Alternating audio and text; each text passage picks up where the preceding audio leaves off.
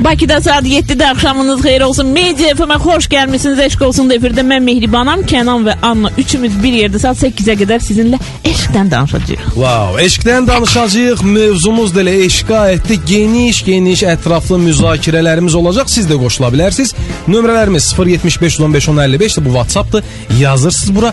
Zəng üçün isə Ulduz 1055-ə zəng eləyərək fikirlərinizi bizlə bölüşə bilərsiniz. Mən çox istəyirəm ki, tez yazılanları oxuyaq. Hə. Ə, Anna biraz səbr elə. Görək e, ölkəmizdə və dünyada nələr baş verib. İlk öncə ilə başlayaq Covid rəqəmlərindən. İlk öncə başlayaq Covid-dən. Deməli yeni yoluxma 584-dür. 851 nəfər sağalıb və 13 nəfər vəfat edib. Bu günə olan vaksin sayı isə 333 min 482-dir. 33 min 482. Yəni gözlərimə inanmadım ki, 330. 333 min dedim o neyləmişik bu gün. Yox, 33 Hmm, min 33 min. 482-dir, bəli. Bu gün deməli 2011-ci ildə keçirilməmiş Türkiyə Super Kuboku olub, finalı Bakıda oynanılacaq və e, Covid səbəbindən hər halda keçirilməyib. bilmirəm 2011-ci ildə Covid yox idi axı. Ə, nəysə, Gün neçə- 2021 e, eşitdim orasında. 2011 yazılıb. Bəlkə 2021-dir sən 2011 Əcəb, yazmısan. Ə, ola bilər, hər şey ola bilər həyatdır. Deməli Beşiktaş Fənərbağçı matçı avqustda Bakı Olimpiya stadionunda keçiriləcək. Ayda nə maraqlı olacaq. Bakı Olimpiya stadionunun direktoru Cavid Qarayev isə oxu azı açıqlamasında onlarda belə bir məlumat olmadığını bildirib. Yəni bu xəbəri Kənan verir. E, Bakı Olimpiya stadionunun xəbəri yoxdur. Beşiktaşla Fənərbağçı ümumiyyətlə xəbəri yoxdur. Ə, nəysə bu xəbəri elə bil. Bunu kəsirsiniz dostlar. Orada kəsin. Canlı Ona gedir görə, efirə. ona görə oturun. E, Bir dəfə mən Vay, e, vay, efirdə vay. olanda qonağım var idi. Onu danışmışam. Canlıydı. Hə, canlı efirdir. E, o vaxtda e, səhər efiri idi də. E, tarixçi idi. Söhbət elədik, danışdıq Azərbaycan tarixindən danışırdıq, danışdıq. Veriliş bitəndən sonra dedik, Mehriban xanım, bu veriliş nə vaxt efirə gedəcək? Dedim elə indi efirdəyik valla. Yax- Vay, vay, vay. Yaxşı ki, ə, söyüb zad eləməyib mənə. Hə, vallah da. Yəni Deməli İraqın paytaxtı Bağdadda toyda musiqi seçimi üstündə ailələr arasında dava olub. Eyni bizdə də bax. Yəni, Mənim məsələyə mahnımı bax. niyə çalmadın? Mənim mahnımı niyə kəsdin? Hə, Əsas hə. məsələ odur. Yəni Hə. mənim mahnım niyə yarımçıq qaldı? Deməli, Sənin Kənan. dayın qızı tutaq ki, durdu o mahnım. Belə İki dava var. ailə dalaşıb və baş verən bu dava boşanma qərarı ilə nəticələnib. Ay. Bax ona görə Təsəvvür eləyin. Əfqanistanda deyirlər də musiqi haramdır. Bax görürlər bunlar davadalaş salıb ayrılırlar, elə ona görə də belə olur. Rəhmətli Səməndər Rzayev deməli. Hə burdan eşidin, burdan oynayın. Hərə bir mahnı qoysun naushnikdə qulağına. Bu nədir bunun üstündə? Deməli- dağılıb. Deməli təsəvvür edin, toy bitməmiş. Ayrılmaq qərarı alıblar və yerli mətbuatda da bu ən sürətli boşanma kimi qiymətləndirilir. Hmm. Evlənməmiş boşandı. Anla elə Bu bəzənir, mən- düzənir, saçın düzəldir ki, bir dəqiqə. Elə bir ki, bunu kimsə görür. Sən Amma niyə saçını radiodur ya bura. Mövzuya görədir, belə bir şey olur, avtomatik. Yox, bir məsələ var da burada. E, məncə öncədən o cütlüklər ki var, ailələr, e, bir-birinin musiqi duyumuna, zövqünə e, bələd olmalıydılar. Elə bunlar boşansa yaxşıdır. Çünki elə Mən- mən toy günü başa düşüblər ki, hə də bu nə mahnıdır bu qulaq asır. Yəni bundan mənə arvad olası deyil ya da bundan mənə ər olmaz. Eynilə. Bax, belə, belə bunun üstünə baş verib. Hə. Ay, Bu gün maraqlı mövzumuz var. Gəl ondan danışaq. danışaq. Mövzumuz Sevgilinizlə necə tanış olmusunuz? Çox dadlı ballı bir dənə mövzumuz var. Ə, yazılanları oxuyaq görək necə tanış olublar. Hələ ki rəngi olan bir şey 15-18. yoxdur. Bax 15-18 yazır 075 15 1055-ə ki, sinifdə e, bir sinifdə oxuyurduq. Ay, Kənan, oxumuşam. Hə. E, yaxşı 41 53. Onu da oxumuşam. Yox onu oxumamısan. Ay ya. Görsən oradan Hə, yaxşı, e, oxu. köməkçimiz bizim e, döyünən rəyimiz xəbər eləyir ki, oxumayıb. Amma məni çaşdırır burada. Hə, yaxşı. E, 41 53 yazır. Salam biz zəfər günü tanış olmuşuq. Şəhərdə bacılarım və rəfiqələrimlə gəzirdik. Soyuq idi və oturmağa yer axtarırdıq. Saat 12-yə qalırdı və bağlanırdı hər yer. Bir oğlan yaxınlaşdı ki, bəs yer axtarırsınızsa, dostumun məkanında e, problemsiz oturun. E, keçəndə içəri icazə vermədilər və pərt oldu. Yazıq. Özdə nəyi var? Pərt oldu arxasında da yazıb. E, elə orada mən dostu ilə özü isə bacımla tanış oldu. Bu, bu nətər oldu? Bu belə şey olur. Yanvarın 8-i 2 ay tamam olur və ikimiz də artıq evlilik təklif, e, təklifi olunub. Nə maraqlı. Ailələr tanış olub. Tak что axşam 12-də şəhərdə tanış olub, heç vaxt ciddi olmaz deyə fikirləşdiyimiz bir şey həyatımızın sevgisi oldu. Niyə ciddi olmaz ki? Nə fərq var saat neçədir? Hə də bu 12-də tanış olanlar düşmür. Nəsə 12-də alınır. saat 9-a qədər. Gör necə gözəl bir gündə tanış olmusunuz. Hə, yəni zəfər günü. bu artıq fərq eləmir. Saat 12, 1, səhər saat 5 fərq etməz. Təsəvvür elə onlar ə, tanış olduqları günü hər il ə, bayramda qələbə gününə bir yerdə Ölkə olaraq bütün türk dünyası olaraq bayram Hə, edirlər. Təsəvvür hamı hamı onların ə, tanış olmaq gününü qeyd edir. Hmm, əladır. Amma Əladır. yolda olan tanışlıqlar mənə çox qəribə gəlir. Yox. Fikirləşirəm ki, heç vaxt özüm yolda tanış ola bilmərəm. Gəl mən Yəni, danışım. Heç Mən bir dəfə- heç vaxt demə. Mən bir dəfə ə, bazarda bazarlıqdan çıxmışdım marketdən. Əlimdə ağır sumkalar vardı. Evə az qalmışdı. Bir gözəl göyçək oğlan yaxınlaşdı ki, xanım kömək eləyim. Dedim yox, sağ ol. O da çıxdı getdi. Hara gedirsən? Bax get denən ki, yox, qoy kömək Təkid eləyim. elə Hə də. Bizim adətimizdə yox demək birinci. Bax küçədə elə tanış olmaq olur. Ümid Sən ağır sumka ilə gəz həmişə. Ümid edirəm. Həmişə ağır sumka ilə gəz kimsə kömək eləmək istəyəcək. Görüm kimi eləyəcək axıra qədər. Yəni yön işi öyrətmədin də sən anlayır. Niyə? Bax, İndi Anna gildə qulaq asıb deyə işə qoymayacaqlar ki, yaxşı öyrətmir Mehriban. İki, bir dəqiqə ya. İki dənə kubiki qoyursan kulok. Aha, buna bax. Sumkanın içinə. Qoyursan sumkaya özün də daşıyırsan. Vay vay vay. Sabahdan eləyim. Şövkət Əskərova yazır. Ağlı olanın sevgilisi olmaz. Hmm, çox qısa, konkret, lakonik və heç kimə lazım olmayan bir cavabdır. Mahir Hacıva yazır. Kör qalsın, yoxdur. Göz çıxmış şaşkil olsa tanır. Bax o qədər qarğış Vay, eləyəndə vay, əlbəttə vay. olmayacaq. Bax hara gəlir çıxır bu? Kör qalsın yazandan sonra. Ə, Nurtac Axundova yazır ki, forumda tanış olmuşuq, dostum sağ olsun. Nə gözəl. Aa, burada bir dənə də bax Şəms Abbasova yazır. Aha. İşsizlik səbəbi ilə arxasına qulaq asın. Burada salam sağ olumuz var idi. Facebooku nəzərdə tutur. İkimiz də iş axtarışında idik. Mən vakansiya olanda onu təq eləyirdim, o da məni işarə eləyirdi. Sonra ikimiz də iş tapdıq və mən 48 oldum, yapışdım ki, mənə də dizayn öyrət. 3 il sonra evləndik. Şəms xanım da belə hərəkət Fərasət. görürsən də, yəni dizayn öyrənmək adı ilə ərə getməyə bir oldu. Rövşən Əliyev yazıb xalam qızıdır. Hə, indi bir dəqiqə dayanım mən danışım. Heç sevmirəm bu şeyləri. Qohum evliliklər, ay ə, millət, ay Azərbaycanlılar, bacı qardaşınızla evlənməyin. Yəni də. Bu insestdir. Ə, qan xəstəlikləridir. Nə bilim, gələcək uşağınızın ə, sağlamlığı ilə oynayırsunuz. Mən ə, bilirsiniz, belə startap fikirləşmişdim hətta ki, qohumlarla evlənənləri talasemiya mərkəzinə ə, ekskursiya aparsınlar. Ha. E, Göstərsinlər, bu- başa salsınlar, danışsınlar ki, olmaz. çox ciddi problemlərə yol açır. Bunu həkimlər də, mütəxəssislər də, ə, sosial xidmətlərlə məşğul olan qurumlar da həyəcan təbili çalırlar ki, əslində bu regionlarda baş verir və ə, bu qohum evliliklərinin qarşısını almaq üçün daimi maarifləndirmə işləri aparılır, amma yenə də görünən o ki, hələ də kifayət eləmir bu və biz də öz növbəmizdə buradan səslənirik. Ə, böyüklərə, kiçiklərə fərq etməz. Hər kəs kim ki bizi eşidir, bu məsələdə diqqətli olmaq lazımdır və qohum evliliklərinə qətiyyən yol vermək olmaz. Ə, Biz isə mövzumuza dava davam eləyirik və ə, Tohid yazır. Salam gözəl üçlük. Sizin mövzunuzla bir işim yoxdur. Çünki başıma gəlməyib. Amma çox romantik biriyəm. Yəqin ki mənim bu güclü hisslərimə tab gətirən biri yoxdur ki, sevgilisiz qalmışam. Yaxşı Axı da gör yazıb nə yazıb. Hə, yazıb? Annaya asobu salamlar. ana saçını düzəlt bir, yenə düzəlt. Ya, bir dəqiqə, bir dəqiqə. Mən Tohidə demək istəyirəm ki, Hə. Ə, o yazıb ki, mən çox romantikam Ha. və mənim güclü hisslərimə tab gətirən biri yoxdur. Deməli Anna bütün günü şikayət eləyir ki, zəhləm gedir mənə çox yazanda, zəhləm gedir çox Hə, hə, istəyəndə. düzdür, düzdür. Məni bunu görə bilsin Çox romantik olan. Toy biraz yavaş sev də, toy biraz, yavaş sev də, Yavaş olur. da Tökülür çox romantik. Hə, çox ə, ona görə Toyd sizin ə, s- sayuz ə, sizin cütlüyünüz alınmayacaq. Tək Niyə qal. ki, bəxtimi niyə bağlayırsan? Ba- Özün deyirsən ki, bütün günü Bəlkə xoşuma gələcək. Hə, yaxşı. Hmm. 8008 yazır. Mən həyat yoldaşımın meneceri olmuşam.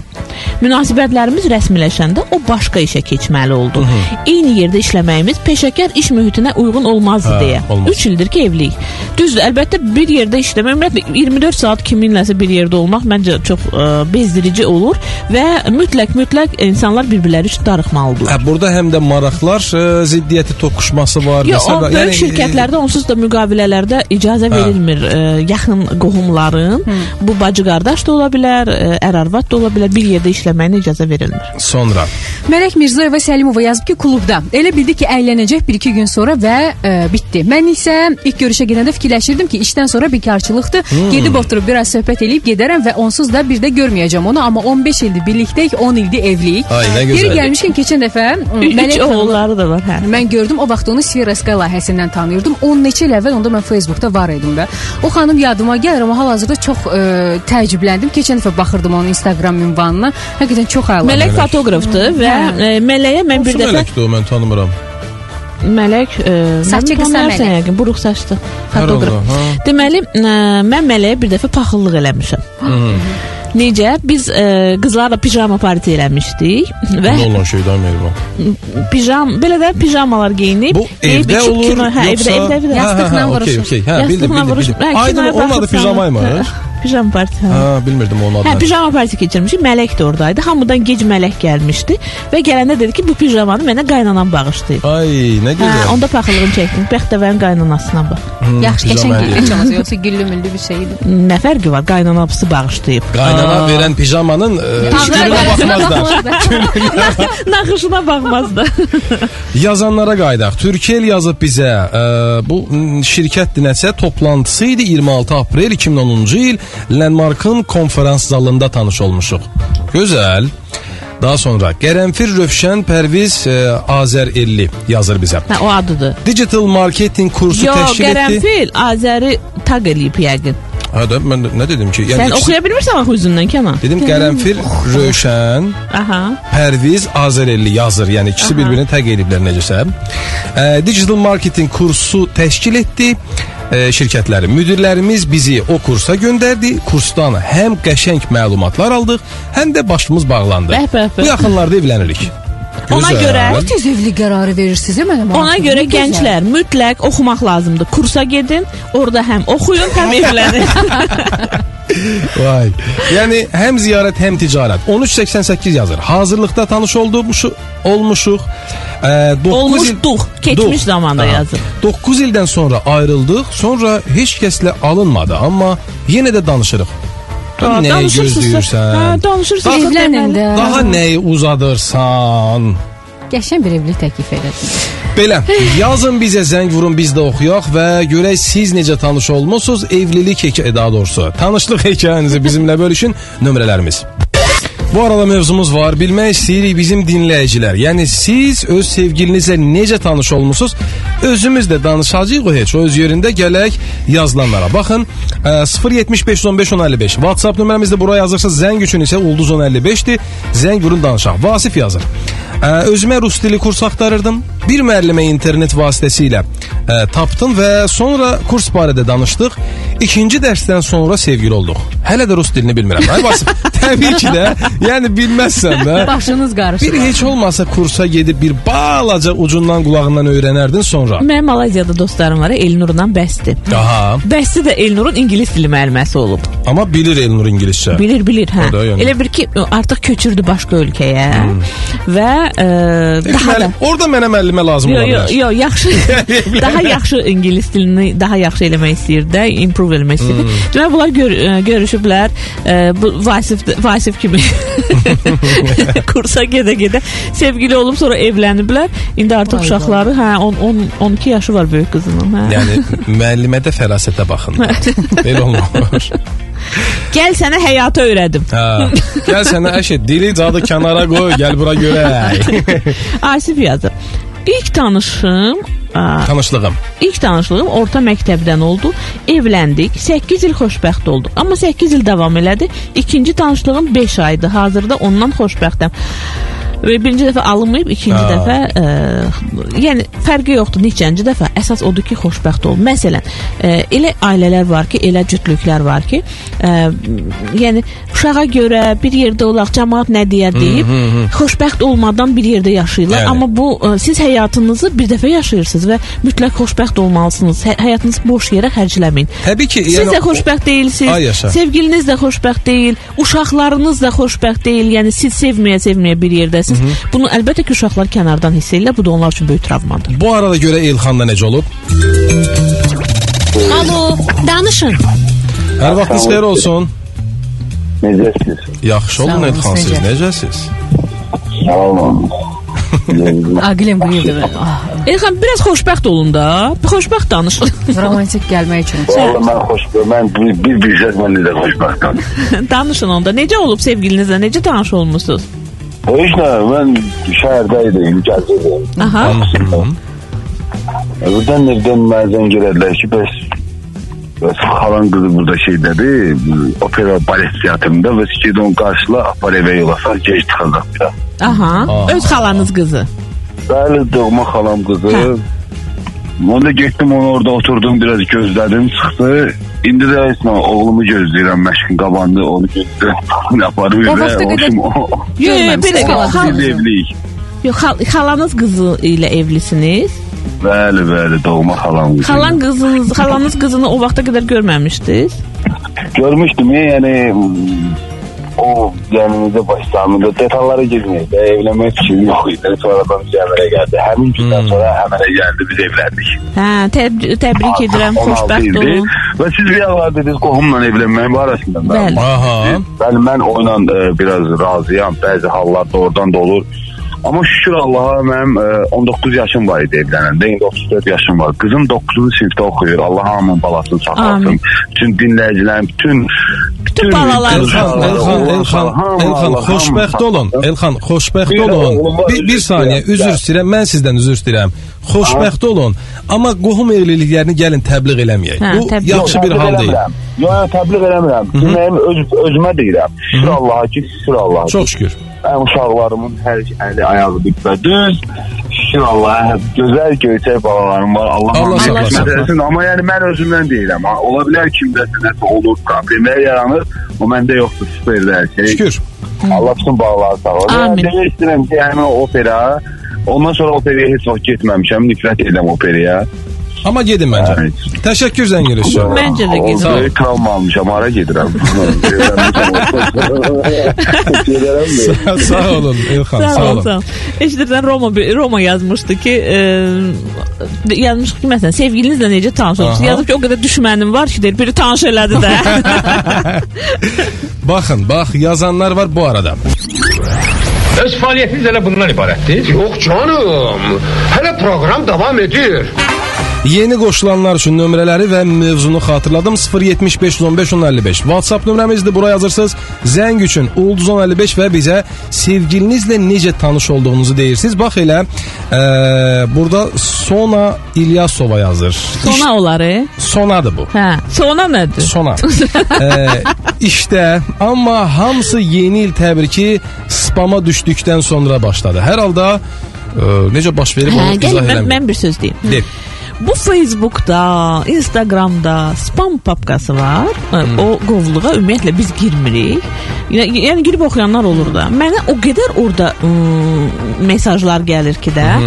Hərdən girib baxanda görürəm ki, məsələn 5000 dənə mesaj var orada. Vay, Hə, heç, 5000. heç, hay sağ ol, heç baxmamışam da. Baxanda görürəm ki, nə qədər iş təklifləri olur, əməkdaşlıq təklif. Gedib İnanırsan bax ona. Siz də baxın. Bəlkə elə bəxtiniz ordadır. Aha. Sevgiliniz ordadır. Bir dənəsi də gəldi. Bax bir dənə də yer tapdınız artıq sevgililərinizi tanış olmaq üçün. Hə. Harda tanış olun? Spamda. Baxın, ə, toyda yazanlar var, sonra tanış olmamışıq yazan var. Hansı biri il bu, bu nə yazır belə? Hansı biri ilə görüşün unudulmaz. Nəsə bunu Deyir oxumuram. hansı Pis- biri ilə? Tinderdə yazan var bu arada. Tinderdə bir ara çox tanış olurdular. Amma Tinderdə heç olur bəlkə də orada da ciddi niyyətlə yazışan, tanışanlar. Baxın, ə, Fuad Həsənli yazır bizə. Deməli, bu nə? Rüşvət müqabilində başlayıb hər şey, sonra sevgiyə çevrilib. E, bu yazıb özü sıfırlama bölümüdür. e, və sonra təq eləyib öz sevgililisini deyir I'll always love you señorita. Bu rüşvət müqabilində deyəndə hər halda xaricdə olub bu. Bizim ölkədə belə şey yoxdur. Ümumiyyətlə bu söz Azərbaycan sözü deyil. Rövşən İbrahimov yazır ki, dəhlizdə gedirdi kitabxanada, əlimizdə kitablar, biri-birimizi görmürdük, birdən dəydi kitablar yerə düşdü və həmin an baxışdıq. Kinodan, kinodan kadr. Xahiş edirəm, Deməli- kinonu gətirməyin bura. Bəhruz Müslimov görün nə yazır. Nə yazır? Deyir, e, bu statusun altına komment yazmışdı ki, bir statusunda altına komment yazmışdı ki, yoxdur ki. Elə bir sevgi sevgili haqqında soruşulub orada. Bu yazıb yoxdur ki. Bu da tez ona Bu da qaçıb like eləyib.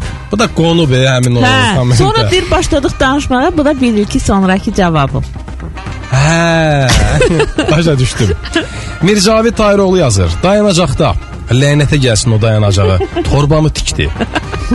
İlahə Adgözəlova yazıb ki, hələ tanış olmamışıq. Hmm. Tanış olar inşallah. İlahə Babayeva Bünyatova yazır ki, yemək yeyərkən, ay İlahə xanım, valla mən yemək yeyəndə heç kimi görmürəm. Mən də, yəni o deyir, e, qaqda ya yem ya quluxun hmm. yem bayıl oluram. Hacı Səfərov yazır. Bir dəfə Instagramda nəsə şəkil qoyub yazmışdım ki, yemək yeyək. Ə, sorğuda sorğuda qoymuşdum. Yes no cavabları var idi.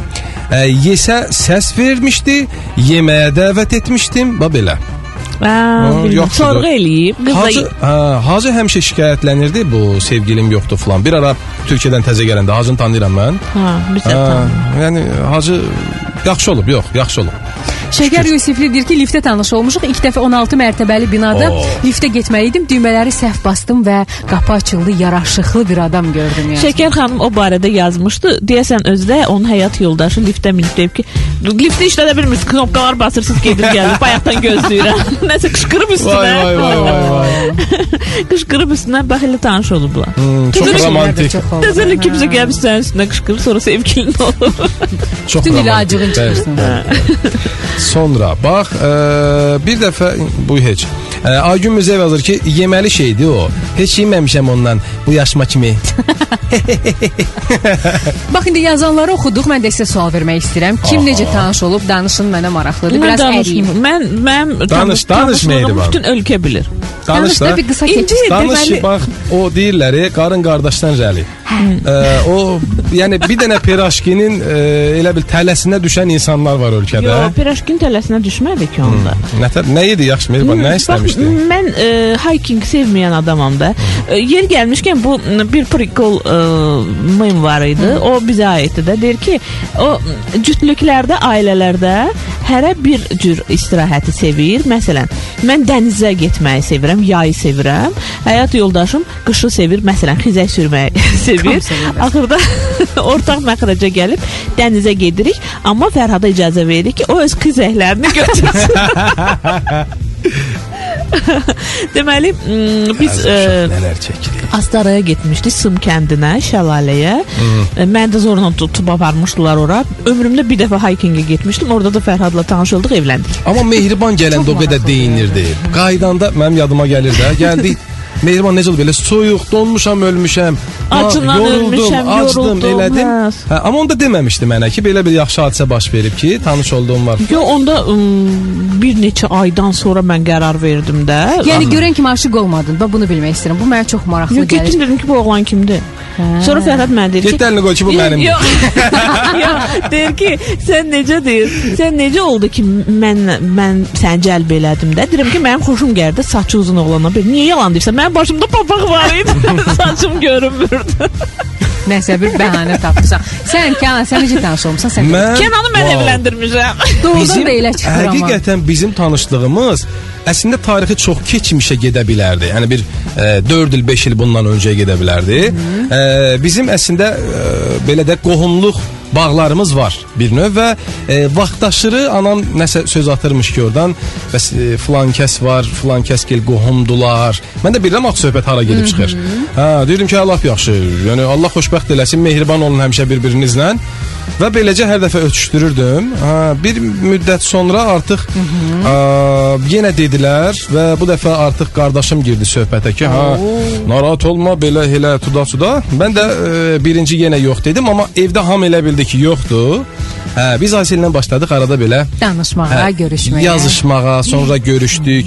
E, bu arada həmin ərəfədə məsəl üçün Mehriban da tez-tez e, təzyiqlər eləyirdi üstümə ki, bəs elə deyil, getməlisən, görüşməlisən. bir sən inirdi. Təsəvvür elə deyirəm ki, məsəl üçün. demədi, Aysel qulaq asın. Ha, yox, qulaq qulaq asın. Qulaq asın da. Biz Zaqatalaya getmişdik, elə onu danışım da. İstirahət eləyirik də. Bu da qamakdan durmur da. Orada uzanıb bütün günü biz buna nə bilim yemək içmək daşıyırıq. O da uzanıb qamakda gölün qırağında yerlənir. Deyirəm ki, Qullarım mənə xidmət edirdi. Fərhadla Mehriban biz buna xidmət eləyirdik, dincəlir. Deyirəm ki, Kənan, bu gün yazışmısan qızla da. Deyir ki, hə, səhər yazmışdı.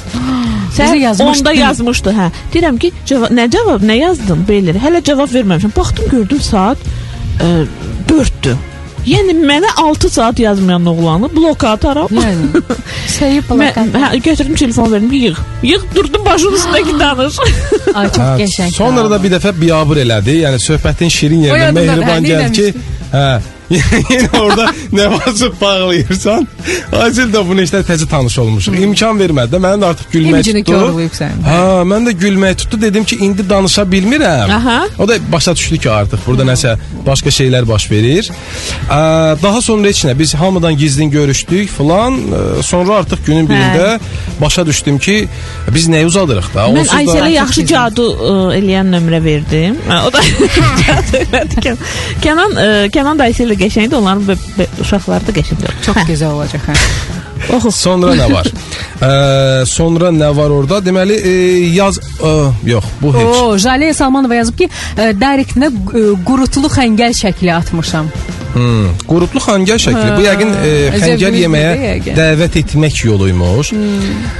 Daha sonra bax burada Ramin deyir ki, işlər daha sonra e, Sema Sema yazır. E, ad günümü qeyd etmək üçün getdiyim restoranda biz 2 nəfər idik. Deyəm, e, happy birthday deyir oxumağa həvəs yox idi bizdə. O və iki dostu yan masadan gəlib oxudular, sağ olsunlar və beləcə 3-cü il olacaq ki, hər il ad günümdə happy birthday mahnısını bir yerdə oxuyuram. Ay, nə gözəl, nə Ay, nə çox belə əladır bu romantik. şeylərə qarşı bu qarşı tərəfin bu hərəkətlərinə qarşı tanımadığı halda şans vermək. Hı. Ə, bilirsən necədir? Biraz bu məsələdə mən qismət e, tərəfində çox inanıram.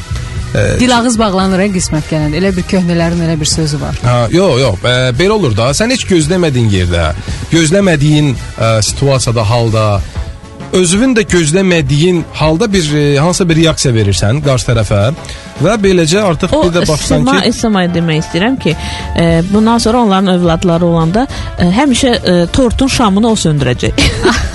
Balaca uşaqlar hə, happy birthday. hə, 1984 bizə yazır ki, ortaq qız tanış dostumuz var idi və uşaqlıqdan bəri arzum sarışın e, bir qızla münasibətdə olmaq idi. Nəysə tanış olduq, amma ilkin niyyətim ancaq arzuma qovuşmaq idi deyə əvvəllər. Amma sonradan sevgiyə çevrildi bu və artıq 2 ildir ki münasibətdəyik və 1 ildir də nişanlıyıq. Wow, gözəl, gözəl. Əsmər deyir ki, Merkuri, Əsmər Merkuri deyir ki, film çəkilişində çəkiliş qaldı qıraqda biz mal kimi bir-birimizə baxa-baxa qaldıq, sonra da evləndik. Sonra Sonra burada dayısı sinif bu nə da? Yusif Məmmədoğlu yazır. Dayısı sinif yoldaşı mı idi? Dayısı bunun sinif yoldaşıymış. Qızın dayısı. Qızın dayısı bəli Yusif Məhəmmədoğlu'nun Ağıl sinif yoldaşıymış. İndi 3 oğlumuz var. Ha, bu qədər sürətlidir. Yəni keçidə baxın, dayısı sinif yoldaşım olub, indi 3 oğlumuz var. İki cümlə ilə bütün hadisəni, hekayəni hamısını təsvir eləyib. Ürfət Abbasov yazır ki, əla mövzudur. Amma mənlik deyil.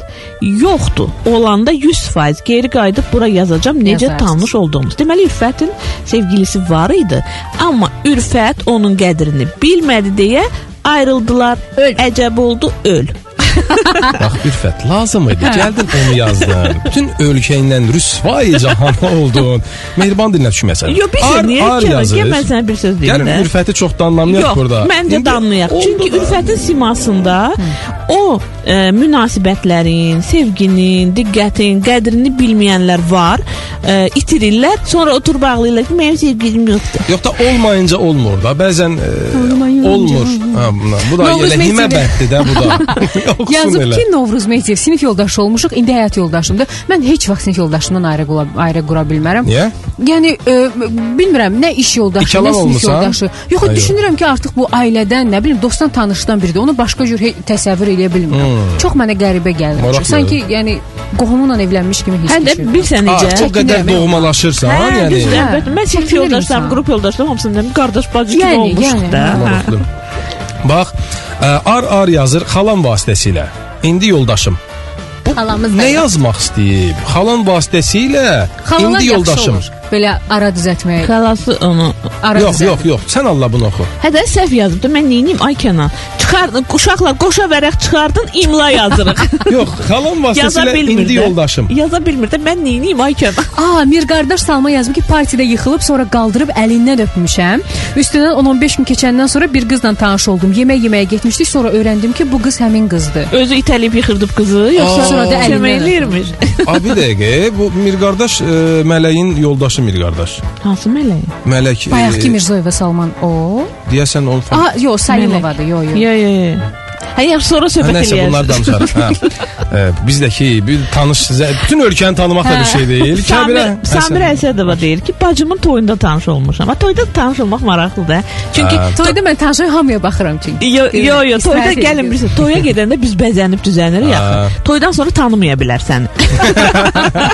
Deyir görəm bu odur. Makiyajlı. O qız sən idin, yox səhv salmışam. Belə olur da. Kəbir Həsənli yazır, tanışım videosunu paylaşmışdı. Mən də rey yazmışdım. İndi nişanlıyıq. Wow, qəşəng. Bax, e, sosial əslində indi tanış olmaq kiminləsə çox asandır. E, sosial şəbəkələrdə nə bilim kimisə storiesinə bir dənə belə Hmm. alov atdın, bəs də evlənirsən. O dəqiqə salam yazır. Özdə Facebookda, Instagramda başına, hə? qız, qızlar həmişə yazırlar ki, filan kəs mənə e, bir dənə şəklimə like qoydu, gedib e, şey Başa gəlinlik Hə, baxır. gəlinlik paltarı seçib, geyinib gəlib dururlar asan xidmətin qabağında. Vay vay vay. Axırımızın nələr niyə var. çeşləməyi var? Nurlan Sadıqov yazır. Təsadüfi tanış olduq. Mən istəmədən də o ayrıldı. Bir daha da kimisə sevə bilməmişəm. Hmm. Belə şeylər də olur. Ə, düşünürəm ki, bu yerdə gəlin biraz fasilə verək və siz də bizə öz hekayələrinizi yaza bilərsiniz və ə, necə tanış olmusunuz 075 15 1055 WhatsApp nömrəmizdə Ulcan 55-ə də zəng vura bilərsiniz və sevgilinizlə tanışlıq hekayənizi bizimlə bölüşə bilərsiniz. E, belki balaca bir antrakt elan edek. Capital Bank bir bank application'ından illik 15%-dən kredit verir və hazırda kampaniya keçirilir. 31 yanvara qədər vaxtınız var. Şərtlərə görə müştərilər 30 min manata qədər nağd pul kreditini müddətindən asılı olmayaraq illik 15%-dən ala bilərlər. Sığorta yoxdur, digər komissiyalar yoxdur. Bu şərtlər də onlayn sifariş verəndə kreditlərə şamil olunur. Bir də bir bankın bu kampaniyasından istənilən bankın kartı ilə əmək haqqı alan şəxslər faydalana bilərlər. Onlayn kredit sifarişində bir bank rəqəmsal bankının saytından, bir də mobil applicationdan ala bilərsiniz. Həyatınızı rahatlaşdıran market. Dostlar, yanvar ayının 14-nə qədər Rahat supermarketlərin bütün filiallarında endirimlər var. Bax, məsələn, e, bizim e, bizim tarla xiyar turşusu 2 manat 55 qəpikdən 2 manat 30 qəpiyə düşüb, möcüzə qarğıdalı yağı 2 litrliyi 11 manat 90 qəpikdən 10 manat e, 12 qəpiyə düşüb. Qalan digər məhsullarla tanış olmaq üçün Rahat Kart mobil tətbiqini sadəcə yükləyin və bütün siyahını orada görəcəksiniz. Mövzumuz Sevgilinizlə necə tanış olmusunuz? Bunu danışacaqsınız bizə yazanlar var və gəlin baxaq görək nə yazıblar. Aa, salam, necəsiz gözəliniz? Çox sağ olsun, minnətdarıq. Yorulmayasınız. Mənim fikrimcə sevgi yoxdur. Desəz ki, niyə axı kitablarda var, nə bilim, elm təsdiq eləyib. Bu söz insanlar yaradıb bu sözü. Əsas nəsil artırmaqdır. Və məndə də 25 yaşımız var da sevgi hiss yoxdur. E, sevməmişik, ancaq iş iş ev müharibədə lap drama verdim. E, yazmağı öyrənin. Bu arada onu deyim, e, o öz yerində. E, qalınca ki sevgi yoxdur, var. E, niyə elə düşünülür ki, e, yoxdur, yaxud niyə elə düşünülür ki, var? E, hardasa bu məsələdə fikirlər e, haçalanır. Bir qrup deyir ki, bu sırf hormonların işidir.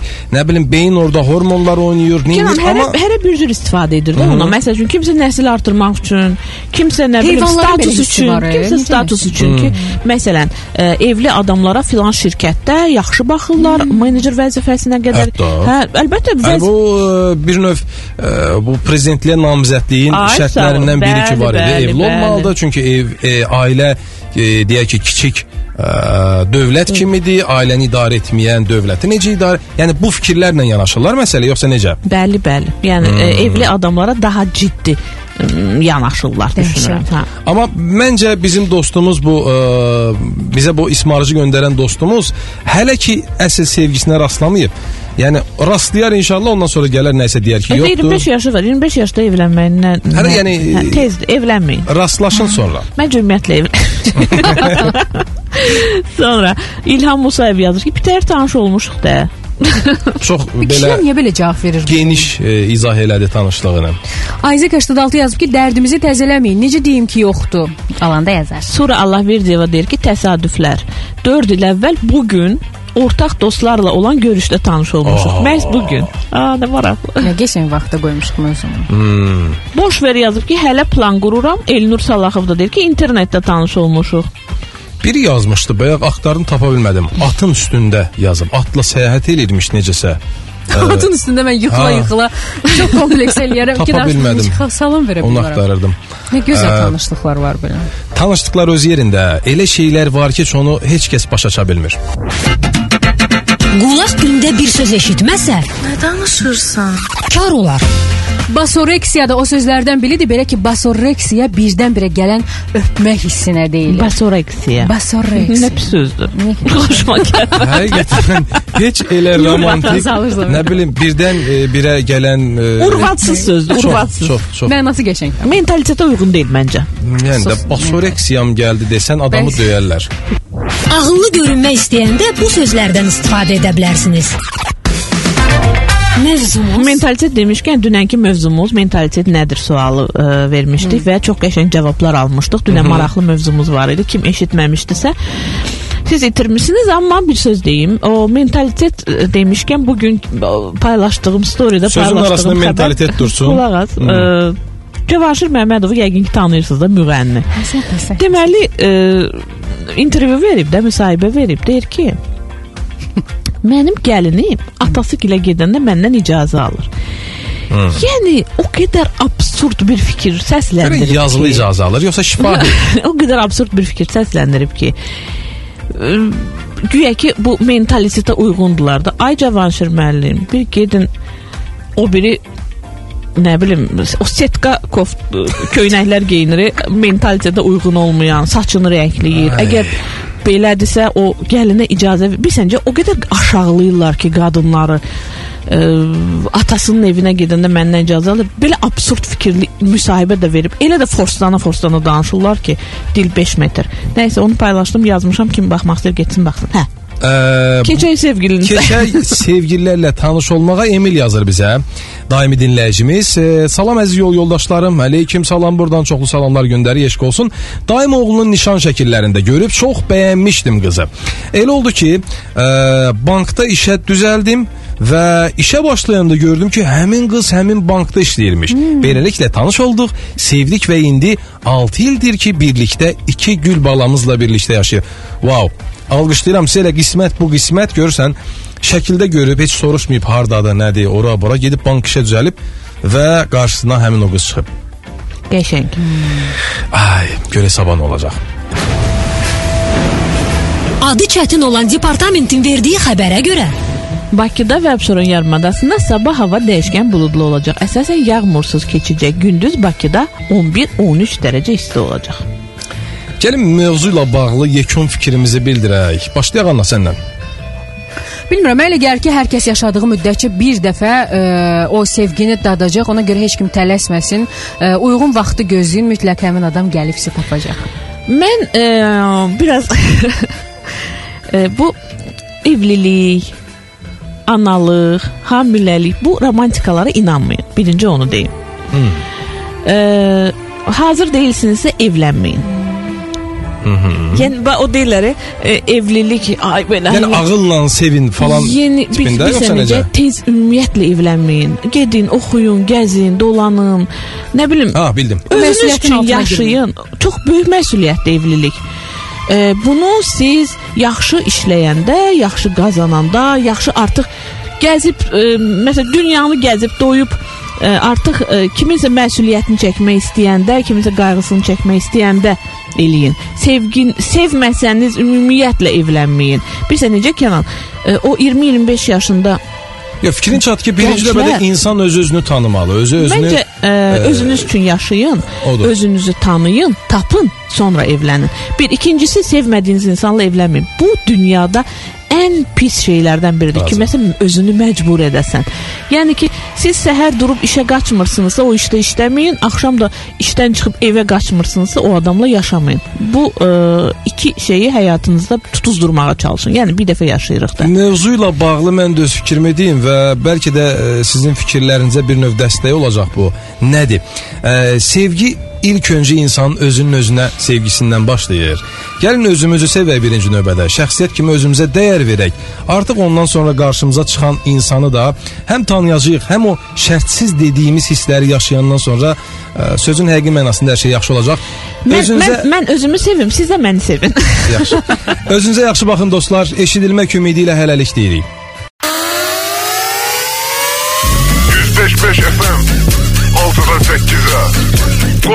Koymur dinleyiciler yorulsun Hamza eşk olsun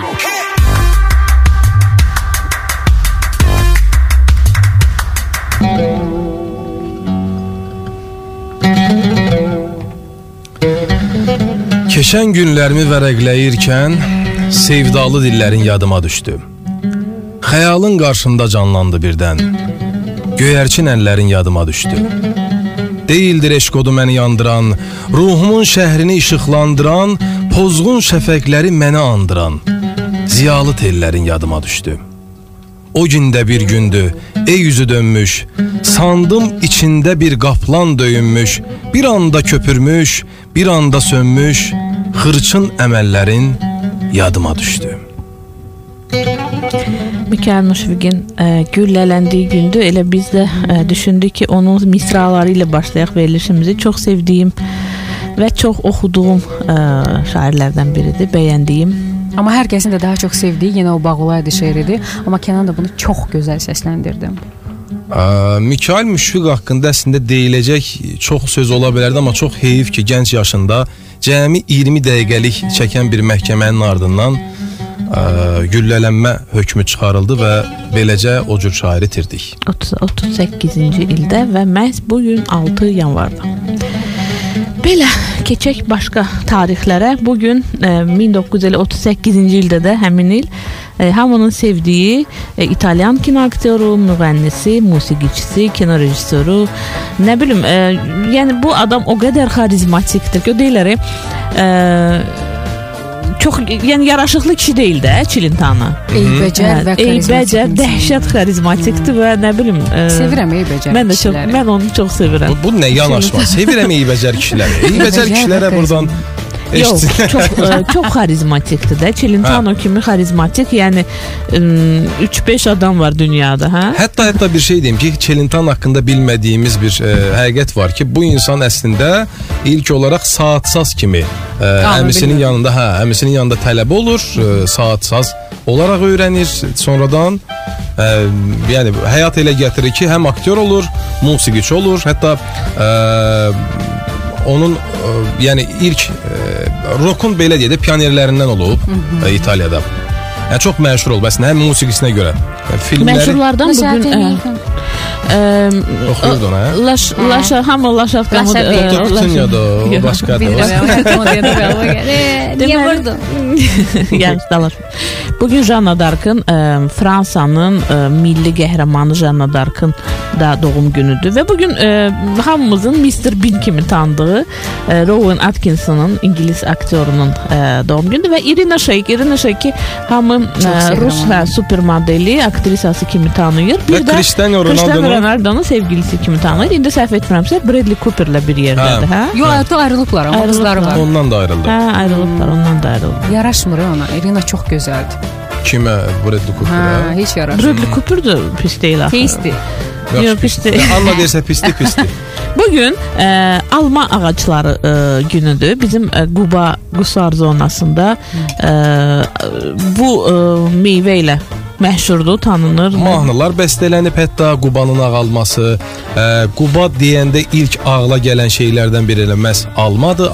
Düzdür, amma alma bağlar da son illərdə ə, mən bir şey deyim. Şəkillərdə alma- görüb gedib ə, şəkil gəzmək istəmişdik. Görmüşdüm ki, şəkildə tamam başqa cürdür, gözəldir. Daha iştahlı görünür. Alma yox, hə, bağlarda, yəni Amma daha bir şey gözəl deyim, görünür. ə, son illərdə alma sortları da azalıb. Yəni ə, bazarlara gedirsən heç də əvvəlki qədər növbə-növ ə, qarşına çıxmır almalar. almalar. Yəni tutaq ki, dünənə kimi ə, sinap ə, iynəburun o sinap ə, növü var idi ki, bazarda çox dadlı, turşməzə dadı olan bir ə, alma növü idi. Və o məsələn son illərdə yoxdur. Qarşıma çıxmır heç harda. Ən dadlısı qızıl qızıl Əhməd. dəmirlə çox Hə. zəngin, çox dadlıdır yəni. Ən- Mən ən- e, ən- mən kulinariya məktəbində oxuyanda orada bizə fransız şef demişdi ki, e, bişəndə e, ən dadlı olan iki mey, ən çox dadlı olan da iki meyvə var. Biri almadır, biri armuddur. Armud, Heyvan hə. da dadlı olur. Armud da Onlar da dadlı olur, amma ən dadlıları, yəni bişirmək üçün ən yaxşı meyvə alma və armuddur. İndi fransız şef bilmirmiş də o heyvanı ona görə belə deyil. Yo, yo, bişirirlər. Onlar da Hə, pişirirlər. əlbəttə bişirirlər, qəşəng. Sonra bu gün qucaqlaşmaq günüdür, sən demə uşaqlar. Oradan durun gəlin bura, durun gəlin. qucaqlaşmaq əslində bunu Gözəldir. çalışın, hə, te- tez-tez edin sevdiklərinizə, xüsusilə də uşaqlara.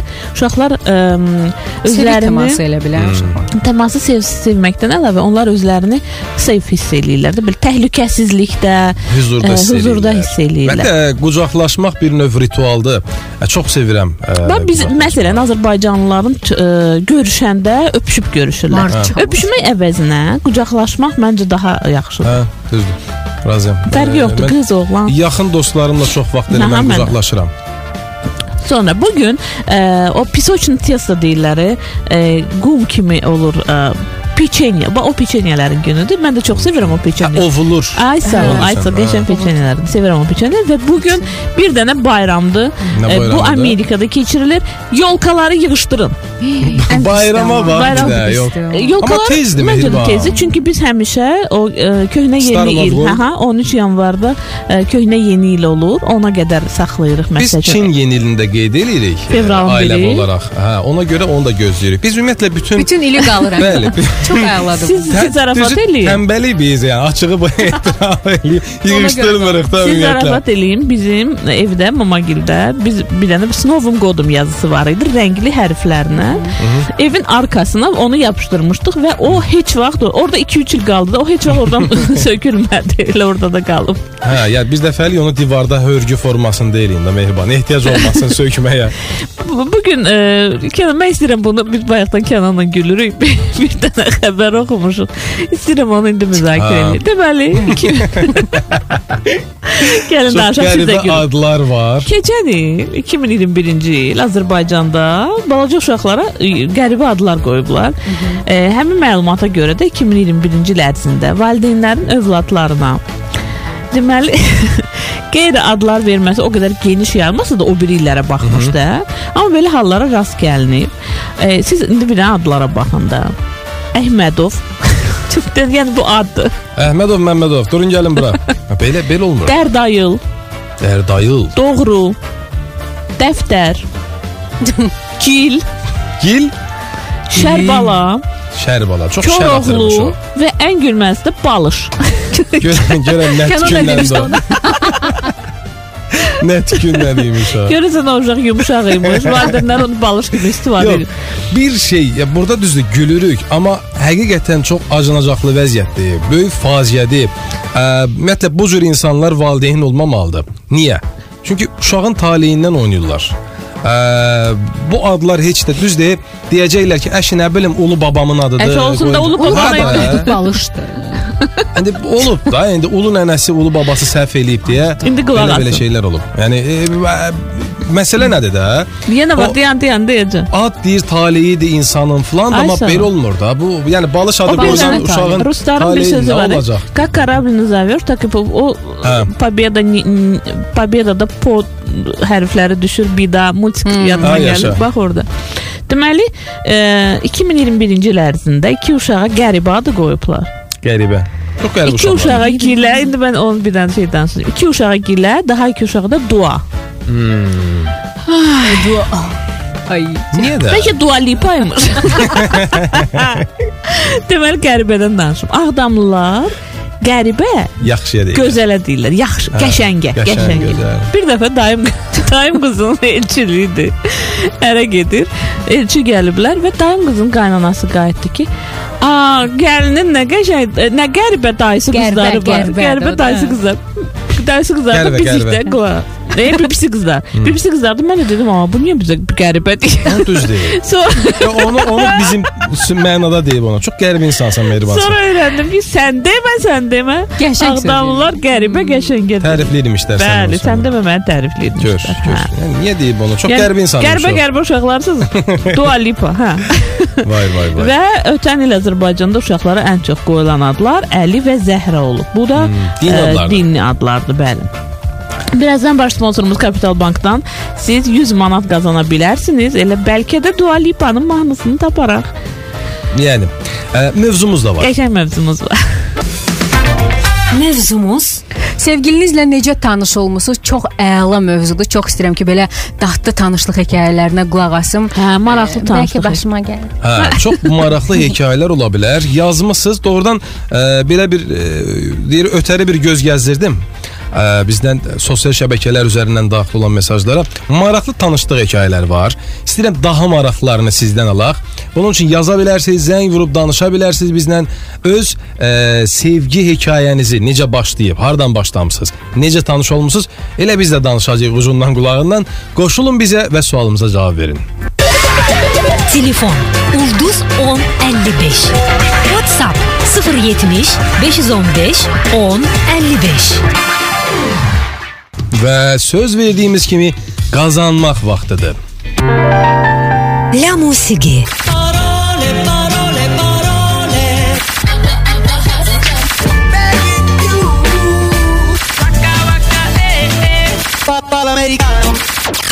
Onların musiqisi bizim dildə. Kapital Bankın Eşq olsun ayırdığı uduş fondundan La musiqidə iştirak edib qalib ola biləcəksiniz. 81055 yazırsınız, ad familiyanızı yazırsınız və suala cavab verirsiniz. Birinci olmalısınız. Unutmayın bunu. SMS göndərməlisiniz. Ə, təbii ki, iştirak etməli. Anna da baxır ki, orada de qutarda sözümü deyim. Çox Ə, sevdiyim bir buyur, mahnıdan bu dəfə. Deməli, Əliağa Kürçaylı'nın sözlərinə Elza İbrahimova tərəfindən bəstələnən bu möhtəşəm mahnı Hüseyn Ağa Hadiyev kimi sənətkarlarla yanaşı Teymur Əmrahın da ifasında sevib dinləmişik. Mahnının sözləri isə belədir. Ürəyimdə xatirələr oyandı. Gecə gündüz göz önündə dayandı. Bir olardı söhbətimiz, sözümüz. O Çox gözəl mahnıdır. Hə. Yazın göndəri 81055-ə görə hansı mahnıdır? Vaxt getdi, ad familiyanızı yazmağı unutmuşdunuz. La musiqi La musiqi ilə yenidən studiyadayıq. Elə öncə dinlədiyimiz mahnı da belə keçmişlərə, o illərə səyahət mahnısı idi. E, yeni işlənmiş versiyasını da sevdim. Bu arada dinləyicimiz var və bir dənə alo deyirik. Alo. Alo. Hər vaxtınız xeyir olsun Kamran. Hər vaxtınız olsun. Hər vaxtınız xeyir olsun. Biraz da radionun kodunu biraz da səsini biraz da artırın. Biraz da artırın. Kamran, Bəli, bəli, bəli. keçən ildən qalmış salatları yeyib sağ qalmısınız. Təbrik eləyirəm sizə. Ham eləyib onu mehriban elə danışırsan. Yo, Yo, biz az biz, biz az yemək hazırlamışdıq və ə, sen ə, nədir Yenə yanvar qalmadı heç. Ha, yo, yanvarın biri yəni yemək yox idi. Təzə yemək Siz bişirmişik. çox yeyirsiniz bu o demək deyil. hə? Yəni biz mən məsəl üçün harda elə qalma salat varsa, mən köhnə salatları ümumiyyətlə sevirəm. Buradan səslənirəm. Amma- Bir də amma- kimin köhnə salatı qalsa Elə xəbərləsin. yeməklər var ki, onlar boyat dadlıdır. Məsələn, borş, plov, aş, ay sağ ol. Biri qaldı. Nə? Piti. Yo, yo. yo. Piti boyat yaxşıdır. Hətta və hətta harasa gedəndə deyirlər ki, dünəndən qalmış pitim var. A, Dünəndən qalmış Yəni- boyat deyil ki. Çörək olar ya, dünən qalmış. Məsələ çörək odur boya. ki, Mehriban, yəni dünəndən qalmış. Yəni boyatını daha belə samballı sayırlar pitinin, biləsən. Kamran deyəsən acıdır. Yaddan çıxmadım mən, yoxsa nə? Yo, yo. Buradasınız Kamran, buradasınız. bizim- Dəstəyə danışın, xahiş edirəm. Hə, Telefon dəstəyinə Biz danışın. yeməkdən danışanda hə- hamı yaddan çıxır. Fikrinizi yayındırmayın. Yeməkdən danışdıqsa fikrim Danışdım ki, Geçən dəfə danışdım sizinlə, the, the fan is on the table belə məsələlər oldu. Yəni İngilis bəli, bəli. Biraz da ingilis dili müəlliməsi var bizdə zalda elə. Oldu. Kamran uduzdunuz. Nə yaxşı, nə yaxşı. İndi biz sizdən o performansı yeniləməyinizi, təkrarlamağınızı gözləyirik. Və bu dəfə hansı mahnını soruşmuşduq seçmə sualda? Bilməm, sonra bir rus səhv eləmirəm. Yo, yo, yo, bugün, İndi, bugün, indi, bugün. indi, indi, indi. Nə yazdınız bizə göndərdiniz? Yüreğimde hatireler oyandı Geçen günler göz önünde dayandı Bir olardı sohbetimiz sözümüz Bir gülerdi yüreğimiz gözümüz Oralarda biliyorum. Kamran Kimlə kimdən danışırsan? Canım danışırsınız? bağışlayın siz Allah. Sizin söhbətinizi böldüyor da çox üzr istəyirik. Yəni e, belə. Bəli, bəli. Buyurun, buyurun, buyurun. Olur Elə- belə şeylər. Narahat eləmirik. Yo, yo, buyurun, buyurun. Mən siz dinləyirəm. Kamran siz buyurun deyin görək 50 manat istəyirsiniz yoxsa 100 manat? 50 istəyəcəm. Gəldim sizə 100 manat. 100 manat istəyirsiniz. Amma amma yəni ipuculardan tam istifadə edəcəm. Keçən dəfə 50 manatda ipucularından o qədər də istifadə edəmədim. İstifadə Nə dediniz edin. başa düşmədik, amma yaxşı. Kamran, danışığım bəli. Kamran 100 manat Xahiş istəyirsiniz. edirik, dəstəyə danışın Hə, siz Kamran. deyəsən mikrofonu e, loudspeaker qoymusunuz. Ola bilər indi köməkçiniz var. Bir saniyə dəyişin, bir saniyə. Bir saniyə. Hə, bəli, bəli, bəli. Buyurun, Ayda. buyurun. Hə, Allah. necə səsin? Salam Kamran. Səsi beləymiş, ey Aleyküm Kamranın. salam. Aa. Axşamınız xeyir. Gül Necəsiniz? kimi danışa bilir. Biz də Allah, bayaqdan cavan da deyirik oğlandı, səsə danışırıq. bax. Bəli, yaşım da azdır, bəli. Ha, yox deyirəm də, yəni bayaqdan deyirdi ki, bu dayı kimdir belə bizdən. Kamran 100 manatlıq sual gəlir. Buyurun, Hazırsınız? buyurun. İpucu olacaq yoxsa necə? Elə ondan Xeyr, danışır. əlbəttə. Həmişə, həmişə ipucu var. Edəcək bir şey yoxdur. Getmək istədi, getdi. Başa düşürəm. Həm çox kədərlidir, həm də tək tərəfli bitdi. Vay, vay. Mahnını oxumaq lazım. Günahdır bu mahnını bilməmək. Hansı Bu Rus, Rus estradasıdır yoxsa əcnəbi? Yoxdur, yəni əcnəbi yoxdur. Əcnəbidir, xarici mahnı. Rus e, yoxsa əcnəbi deyəndə Rus da əcnəbidir də. Yo, anladım. Mən ona görə yəni Rusdur yoxsa Avropa, Amerika mənşəli bir mahnı. onu bəlkə Google-da search eləyib bəlkə deyə location atsın bu müğənni sizə. Adının ilk 5 hərfini deyə bilərəm, Buyurun. amma demirəm. Bir də zəhmət olmasa xanım, bir də zəhmət olmasa. Xanım, xanım adınızı da Son bilmirəm. misralarını de, son cümləni. Axı hamısını demək. Başa düşürəm. Həm çox kədərlidir, həm də tək tərəfli bitdi. Özdə bu deyim. Yox. Bəli, bəli, bəli. İpucunun Yo 100 manatdır. 50 manat istəsəydiniz deyərdim. Kamran vaxt artıq sizin əksinizə işləyir Ayda və 50 manatlıq nə asandır? 5 Oh, Dörd. Oxumaq lazım. oxuyuram, oxuyuram. Oxuyun. E, it's very sad mm, Hə, oxu to musiqili. live you, uh, to live you. Elə bir kitab. Ay Allah tərcümə eləyir, tərcümə eləyir. Kamran, ə, son 5 saniyə demişdim, amma 5 saniyədə əlavə eləyək və cavabınızı alaq oxuyun bizə. Ə, Tək Çox- tərəfli bitdi, bu necə olur? E, Yəni İngiliscə deyək onu tək tərəfli. Tək tərəfli bitdi. Yəni ki mən qaldım, o getdi. Onda bu çıxmaz. İstanbul olalım Hiç görmedi Öyle gezer Geberiyorum Geberiyorum aşkından. Bu Kibariye'nin Ah İstanbul Aynen, məşhur. söz söylüyorsun. Aşkım hasta. Bəli, Kibariye, Kibariye. Özdə bu yaxınlarda. Kibariye Bakıya gələcək. Hansısa restoranlardan birində, hə, ə, çox sevirəm Kibariyəni. Özü də Tarkanla bir mahnısı var, bir yerdə oxuyurlar. Möhtəşəmdir. Bəli. Eh, hey, bax 50 manatlıq sualı ə, seçsəydiniz, orada d- bilirsiniz necə idi sual? İstanbul, İstanbul olalı heç görmədi belə kədər. Bax, siz həmən tapacaqdınız mahnını. Ev yox Kamran. Qətiyyən üzülmürük, Acaba. həm də sağollaşmayın, bizdən tələsməyin sualımız var. Bəli, buyurun. Mövzumuz Sevgilinizlə necə tanış olmusunuz Kamran? Sevgilim mən. Keçmiş sevgiliniz də ola bilər. Yəni yoxdur sən. Kamran, bir nə Evlisiniz? Bəli, bəli. bu sualı ə, verəndə bilirsiniz nə deyirlər? Belə. Mənim sevgilim yoxdur, mən ərdəyəm. Ya da mən Hə, evliyəm. mən evliyəm. Elə bir ki, Faktiki olarak evliyim. Ha, yani necə bazen tanış olmuş? sevgili olur sonra hayat yoldaşı olur. da. hə hə təbii, təbii. həmin sevgilidən İndi danışırıq. həyat yoldaşınızla, sevgilinizlə necə tanış olmusunuz? Onu bizə danışa bilərsinizmi? Sevgilim qoymur danışmağa.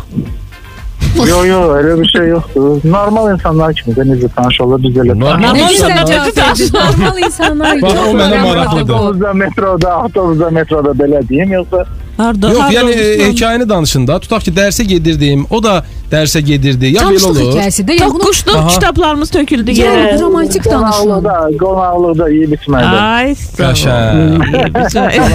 Belə Eşidirsən. ortaq dostlarınızın nəsə məclisidir, yoxsa qohum falan belə? Qohum ağraba. Qəşəng. qəşəng. Eşidirsən Kenan? Bəli. Bəli, bəli. O ac gəlirsən Bilirəm qonaqlıq. ki, eşidirəm. E, Kəmran, Kənana deyirdim, Bəli. qulaq asın. Deyirəm ki, ac gəlirsən, gözün heç kimi Hə. görmür. Yeyib içəndən sonra deyirsən, "A, bu da qəşəng qız." Gözüm könlüm açıldı. Vay vay vay Hə. vay. Əsas birinci əsas qarındır. Bəli, qarın qardaşdan dirəlidir, qarın sevgilidən dirəlidir. Təşəkkürlər Kamran Çox zəngin sağ üçün. olun Minnətdarıq. zənginiz üçün. Sevgiliniz sizi evə buraxmayacaq. Bugün çünki pul aparmadınız. Pis danışdı həm də Hə, tanışlıq Biz isə hekayəsi. biz isə davam eləyirik. Sevgilinizlə necə tanış olmusunuz? Bunu soruşmuşuq. Bizə yazırsınız, zəng vurursunuz, Qəşəng yazanlar da hekayələr var. danışın Hə. da. Qəşəng hekayələr. Var, əslində maraqlı hekayələr var. Gəlib bizə az sonra başlayacağıq onu oxumağa. Ee, buradan elə nömrələri də xatırladaq. Siz də indidən yazmağa başlayın çünki sizin də sevgilinizlə tanışlıq hekayəniz bizə çox maraqlıdır. Nömrələrimiz ixtiyarınızdadır və bizə yazırsınız yaxud da zəng vurursunuz. Həmin o hekayəni bizlə bölüşürsüz.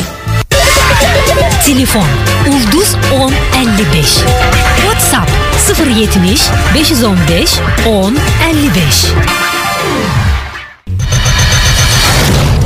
Alternatif yollar Alternativ yollar. Belə, şəhərin hər yerində əslində bu dəqiqələrdə sıxlıq var. Amma ə, əsas küçələr deyim, Afiyəddin Cəllov, Mehdi Mehdizadə, Nəcəf Qulu Rəfiyev, Babək prospekti Süleyman Vəzirov, ə, Xocalı Yusif Səfərov, Heydər Əliyev prospekti Gülarə Qədir Qədirova, Təbriz, Qarabağ, Şah İsmail Xətai, Səxavət Quliyev, Ceyhun Hacıbəyli, Hənifə Ələsgərova, Abbasqulu Ağabakıxanov, Vaqif, Mərdanov qardaşları Rəşid Behbulov, Səməd Vurğun, Əli bəy Hüseynzadə, 28 may Zərifə Əliyeva, Üzeyir Hacıbəyli, Xəqani Dilarə Əliyeva və saymayım da. Ə, Şəhərin əsas Biz küçə e, və işə prospektlərində. gələndə artıq e, tıxac idi. Hə, elə olur. Onsuz da son dönəmlər şəhərin e, daha doğrusu istənilən vaxtda, yəni şəhərə çıxanda sıxlıqda tıxacla qarşılaşmaq mümkündür. Adi bir hala çevrilib başqa şeydən danışaq. Mövzumuz Sevgilinizlə necə tanış olmusunuz? Bu barədə danışırıq. Elə gəl yazılanları da bir ikisini Deməli WhatsApp nömrəmiz 070 515 1055-dir. Bizə yazırlar. Zəng də vura bilərsiniz. Ulduz 1055-dir. Zəng vurun, maraqlı hekayələrdən danışın, görək nə yazıblar. 27 47 yazır. Deməli 10-cu sinifdə oxuyanda riyaziyyat dərsində lövhədə misal həll eləyirdim. Misalda səhv elədiyim vaxt müəllim əsəbləşmişdi. E, silgini üstümə atmışdı. Üstüm batmışdı. Nəsə misalı həll elədim. Daha sonra müəllimdən icazə aldım ki, üstümü təmizləyim. Çöldə o da gülə-gülə mənə icazə verdi. Dərsin ortasında deyir, çölə çıxdım, qaça-qaça pilləkəndən aşağı düşəndə başqa sinifdən olan bir qızla toqquşdum. Yaxşı ki, qol qıçımız sınmadı. Səsə küyə müəllim çıxdı. Yenə də məni də anladı. Biz Ay. amma heç bir şeyə fikir vermirdik. Ancaq öz hayımızda idik. Onunla da deyir hər şey başladı. Artıq 14 ildir ki bir-birimizi tanıyırıq və 5 ildir ki ailə qurmuşuq. 27 47 yazır. Ayda. 10-cu sinifdə Pilləkənlə qaça-qaça düşəndə hə toqquşublar. Allah o müəllimədən razı olsun. Müddətli münasibətləri necə qoruyurlar? Yox, mən demək istirdim ki, hə, mən mən demək istirdim ki, müəllimə baxır, silgini atıb üstünə, hələ sonra da he he he gülür. Yox, yəni əslində yaxşı bir şeyə vəsilə olmuş kimi Sağ olsun görünür. da valla. Düzü, niyyəti pis olsa da, Gəl- yaxşılıq etmiş Gəl oldu. sən döyüm sevgilinlə rastlar. Ə, Mən artıq sevgilimlə Yox, sənə rastlaşmışam. demirəm, də ümumiyyətlə deyil. Hə, ümumiyyətlə. Mənə deyil. Sonra ə, 1884 yazır. Salam gözəl trio. Salam. İki dəfə ailə qurmuşam. Birinci dəfə qonaq gedəndə görmüşdüm. İkinci dəfə isə indi yazır. Dostum bir xanımla tanış oldu və nişanlandı. Gələcək həyat yoldaşım da həmin xanımın rəfiqəsi idi. O həmişə deyir, padruqası var. Hə, bax o, o situasiyadır. Və 10 ildir artıq bir yerdəyik. İlk görüşəndə hətta bir-birimizə zəhləmiz də gedirdi. Vay vay vay. Hüseyn yazır bunu. Media FM nömrə 1 aparıcılar da hamısı nömrə 1 yazıb göndərib. Çox sağ ol Hüseyn, eşq olsun Hüseynə. sizə. Elnura Rəzazadə yazıb ki, sevgilimiz olmayıb, elə priamoy ərə getmişik. Bax, e, bu həm gülməlidir Anna. Həm gülməli tərəfi odur Yəni. ki, yəni e, elə bilir ki, elə bu normal e, yaxud da ki, ərini sevgili saymır yoxsa nə nə məsələdirsə. Ə, amma öz özlüyündə ki, sevgilim olmayıb, promoya ərə getmişik. Biraz bu ə, aşiret falana döndü də. Yəni hə. O zarafatla yazıb yəqin. Ha, Ümid hər edirik elədir. Ha, hər halda elə ilk sevdiyi insan olub, sonradan. Yaxşıdır ki, ə, belə deyək də ilk dəfədən kimlənsə sevgili olub, sevib, e, hisslərini paylaşıb, bölüşüb və sonradan həqiqətən də elə həyat yoldaşının o olduğu qənaətinə gəlib. Mən- bu, bu belə belə olubsa hadisə yaxşı olub. Mən e, o dünən bir şey paylaşmışdım. Mən keçən il yazdığım postu, Hansı? o eşqin Eşqin, tərifi. hə. Hə. İndi istəyirəm onu oxuyum və e, nömrələrimizi xatırladaq, hamı yazsın öz sevgi. Eşq e, eşq nədir də onu yazmışdım. Deməli, Kənanla keçən il, onda Anna yox idi. Xoşbəxt ikimiz işləyirdik də gül kimi. Hə, sonra gəldi. 2 yaşı var. Deməli- Kənanla efirdə eşq nədir mövzusu qoymuşduq və axırda da özümüz eşqin nə olduğunu dedik də. Hə, yazmışam ki, yəqin ki bir-birinin mənfi xüsusiyyətləri ilə qəbul eləməkdir eşq. Məsələn, mən hamama girəndə güzgünün qabağındakı balaca şüşənin üstündə diş pastasının ləkəsini görürəm. Bu nə deməkdir də? Deməli Fərhad dişini fırçalayandan sonra fırçanı qoyur şüşənin üstünə, sonra əl üzünü yuyur, sonra fırçanı götürür, yuyur qoyur yerinə. O ləkə qalır orada. Və mən hər dəfə girəndə görürəm ki, o şüşənin üstündə ləkə var.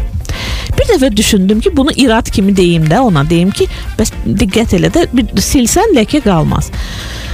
Elə insanlar var ki, bunu şişirib problem eləyirlər, münaqişə halına gətirirlər və belə kiçik bir şeyin üstündə dalaşırlar.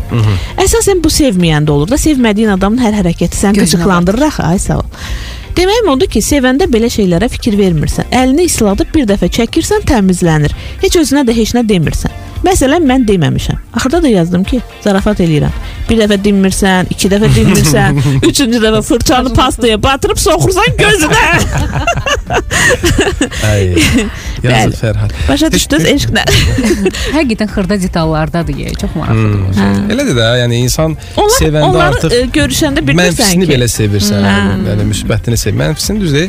Yəni sevirsən Hər demək ki, Yo, yo, yola yo. gedirsən. Ay sağ ol, sevirsən deyə yola gedirsən. Amma Mənfi ilə sev- bir də qəbul edirsən. Yəni şərtsiz sevgi əslində odur. Ki, heç bir şərt qoymuşam. sevmədiyin belə adam olsun, olanda belə yaxşı olsun. e, şeylər eləsə belə səni qıcıqlandırır.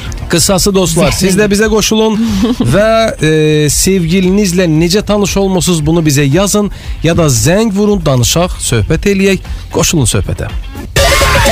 Telefon Ulduz 1055 WhatsApp 070 515 1055 Bakıda saat 7-də axşamınız xeyir olsun. Media FM-ə xoş gəlmisiniz. Eşq olsun efirdə mən Mehribanam, Kənan və Anna üçümüz bir yerdə saat 8-ə qədər sizinlə eşqdən danışacağıq. Wow, eşqdən danışacağıq. Mövzumuz da elə eşqə aiddir. Geniş, geniş, ətraflı müzakirələrimiz olacaq. Siz də qoşula bilərsiniz. Nömrələrimiz 075 15 1055 də bu WhatsApp-dır. Yazırsınız bura. Zəng üçün isə Ulduz 1055-ə zəng eləyərək fikirlərinizi bizlə bölüşə bilərsiniz. Mən çox istəyirəm ki, tez yazılanları oxuyaq. Hə. Ə, Anna biraz səbr elə. Görək e, ölkəmizdə və dünyada nələr baş verib. İlk öncə ilə başlayaq Covid rəqəmlərindən. İlk öncə başlayaq Covid-dən. Deməli yeni yoluxma 584-dür. 851 nəfər sağalıb və 13 nəfər vəfat edib. Bu günə olan vaksin sayı isə 333 min 482-dir. 33 min 482. Yəni gözlərimə inanmadım ki 330. 333 min dedim o neyləmişik bu gün. Yox, 33 Hmm, min 482-dir, bəli. Bu gün deməli 2011-ci ildə keçirilməmiş Türkiyə Superkuboku olub, finalı Bakıda oynanılacaq və e, Covid səbəbindən hər halda keçirilməyib. bilmirəm 2011-ci ildə Covid yox idi axı. Ə, nəysə Gün neçə- 2021 e, eşitdim orasında. 2011 yazılıb. Bəlkə 2021-dir sən 2011 Əcəb olur yazmısan. Ə, ola bilər, hər şey ola bilər həyatdır. Deməli Beşiktaş Fənərbağçı matçı avqustda Bakı Olimpiya stadionunda keçiriləcək. Ayda nə maraqlı olacaq.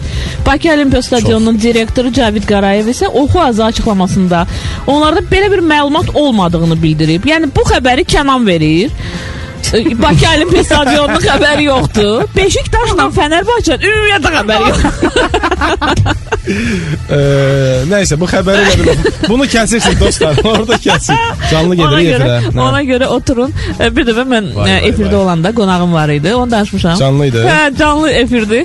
E, o vaxtda e, səhər efiri idi də. E, tarixçi idi. Söhbət elədik, danışdıq Azərbaycan tarixindən danışırdıq. Danışdıq. Veriliş bitəndən sonra dedi: "Mehriban xanım, bu veriliş nə vaxt efirə gedəcək?" Dedim elə indi efirdəyik valla. Yaxşı, Vay, vay, vay. yaxşı ki, ə, söyüb zad eləməyib mənə. Hə, vallah da. Yəni Deməli İraqın paytaxtı Bağdadda toyda musiqi seçimi üstündə ailələr arasında dava olub. Eyni bizdə də bax. Yəni, Mənim mahnımı niyə çalmadın? Mənim mahnımı niyə kəsdin? Hə, Əsas hə. məsələ odur. Yəni Hə. mənim mahnım niyə yarımçıq qaldı? Deməli, Sənin Kemal. dayın qızı tutaq ki, durdu mahnı. Və Belə İki davam. ailə dalaşıb və baş verən bu dava boşanma qərarı ilə nəticələnib. Ay. Bax ona görə. Əfqanistanda deyirlər də musiqi haramdır. Bax görürlər bunlar davadalaş salıb ayrılırlar, elə ona görə də belə olur. Rəhmətli Səməndər Rzayev deməli. Hə, buradan eşidin, buradan oynayın. Hərə bir mahnı qoysun naushnikdə qulağına. Bu nədir bunun üstündə? Deməli- dağılıb. Deməli təsəvvür edin, toy bitməmiş. Ayrılmaq qərarı alıblar və yerli mətbuatda da bu ən sürətli boşanma kimi qiymətləndirilir. Evlənməmiş boşandı. Anla elə Bu bəzənir, mən- düzənir, saçın düzəldir ki, bir dəqiqə. Elə bir ki, bunu kimsə görür. Sən Amma radiodur ya bura. Mövzuya görə də belə bir şey olur, avtomatik. Yox, bir məsələ var da burada. E, məncə öncədən o cütlüklər ki var, ailələr, bir-birinin musiqi duyumuna, zövqünə e, bələd olmalıydılar. Elə bunlar boşansa yaxşıdır. Çünki elə Mən- mən toy günü başa düşüblər ki, hə də bu nə mahnıdır bu qulaq asır. Yəni bundan mənə arvad olası deyil ya da bundan mənə ər olmaz. Eynilə. Bax, belə, belə bunun üstünə baş verib. Hə. Ay, Bu gün maraqlı mövzumuz var. Gəl ondan danışaq. danışaq. Mövzumuz Sevgilinizlə necə tanış olmusunuz? Çox dadlı ballı bir dənə mövzumuz var. Ə, yazılanları oxuyaq görək necə tanış olublar. Hələ ki rəngi olan bir şey 15-18. yoxdur. ha. Bax 15-18 yazır 075 15 1055 ki sinifdə e, bir sinifdə oxuyurduq. Ay, Kenan, Bəli. oxumuşam. Hə. E, Yaxşı 41 53. Onu da oxumuşam. Yox onu oxumamısan. Ay ya. Görsən oradan Hə, yaxşı, e, oxu. köməkçimiz bizim e, döynən rəyimiz xəbər eləyir ki, oxumayıb. Amma məni çaşdırır burada. Hə, yaxşı. E, 4153 yazır. Salam biz zəfər günü tanış olmuşuq. Şəhərdə bacılarım və rəfiqələrimlə gəzirdik. Soyuq idi və oturmağa yer axtarırdıq. Saat 12-yə qalırdı və bağlanırdı hər yer. Bir oğlan yaxınlaşdı ki, bəs yer axtarırsınızsa, dostumun məkanında e, problemsiz oturun. E, keçəndə içəri icazə vermədilər və pərt oldu. Yazıq. Özdə nəyi var pərt oldu arxasında da yazıb.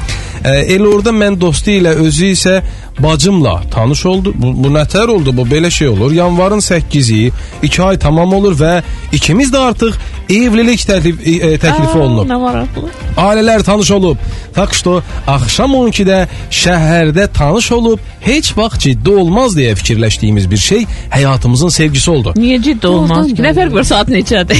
Hə də bu 12-də tanış olanlar düşmür. Nəsə 12-də alınmır. saat 9-a qədər. Gör necə gözəl bir gündə tanış olması olsun. Hə, yəni zəfər günü. bu artıq fərq eləmir. Saat 12, 1, səhər saat 5 fərq etməz. Təsəvvür elə onlar ə, tanış olduqları günü hər il ə, bayramda qələbə gününə bir yerdə Ölkə olaraq bütün türk dünyası olaraq bayram Hə, edirlər. Təsəvvür hamı hamı onların ə, tanış olmaq gününü qeyd edir. Hmm, əladır. Amma Əladır. yolda olan tanışlıqlar mənə çox qəribə gəlir. Yox. Fikirləşirəm ki, heç vaxt özüm yolda tanış ola bilmərəm. Gəl mən Yəni, sənə danışım. Heç Mən bir vaxt, dəfə heç vaxt demə. Mən bir dəfə ə, bazarda bazarlıqdan çıxmışdım marketdən. Əlimdə ağır sumkalar vardı. Evə az qalmışdı. Bir gözəl göyçək oğlan yaxınlaşdı ki, xanım kömək eləyim. Dedim yox, sağ ol. O da çıxdı getdi. Hara gedirsən? Bax get denən ki, yox, qoy kömək Təkid eləyim. elə də. Hə də. Bizim adətimizdə bu yox demək birinci. Bax küçədə elə tanış olmaq olur. Ümid Sən ağır sumka ilə gəz həmişə. Başına vurur. Həmişə ağır sumka ilə gəz kimsə kömək eləmək istəyəcək. Görüm kimi eləyəcək axıra qədər. Yəni yön işi öyrətmədin də sən anlayaq. Niyə? Bax, İndi Annagildə qulaq asıb deyə işə qoymayacaqlar ki, yaxşı öyrətmir Mehriban. İki, bir dəqiqə. İki dənə kubiki qoyursan klok. Aha, buna bax. Sumkanın içinə. Qoyursan sumkaya özün də daşıyırsan. Vay vay vay. Sabahdan eləyim. Şövkət. Əskərova yazır. Ağlı olanın sevgilisi olmaz. Hmm, çox qısa, konkret, lakonik və heç kimə lazım olmayan bir cavabdır. Mahi Hacıva yazır. Kör qalsın, yoxdur. Göz çıxmış şaşkil olsa da tanır. Bax o qədər qarğış Vay, eləyəndə vay, əlbəttə vay. olmayacaq. Bax hara gəlir çıxır bu? Kör qalsın yazandan sonra. Ə, Nurtac Axundova yazır ki, forumda tanış olmuşuq, dostum sağ olsun. Nə gözəl. Aa, burada bir dənə də bax Şəms Abbasova yazır. Aha. İşsizlik səbəbilə arxasına qulaq asın. Burada salam sağ olumuz var idi. Facebooku nəzərdə tutur. İkimiz də iş axtarışındaydık. Mən vakansiya olanda onu təq eləyirdim, o da məni işarə eləyirdi. Sonra ikimiz də iş tapdıq və mən 48 oldum, yapışdım ki, mənə də dizayn öyrət. 3 il sonra evləndik. Şəms xanım da belə hərəkət Fərasət. görürsən də, yəni dizayn öyrənmək adı ilə ərə getməyə bir oldu. Rövşən Əliyev yazıb xalam qızıdır. Hə, indi bir dəqiqə dayanım mən danışım. Heç sevmirəm bu şeyləri. Qohum evliliklər, ay ə, millət, ay Azərbaycanlılar, bacı qardaşınızla evlənməyin. Yəni də. Bu insestdir. ə, qan xəstəlikləridir. Nə bilim, gələcək uşağınızın ə, sağlamlığı ilə oynayırsınız.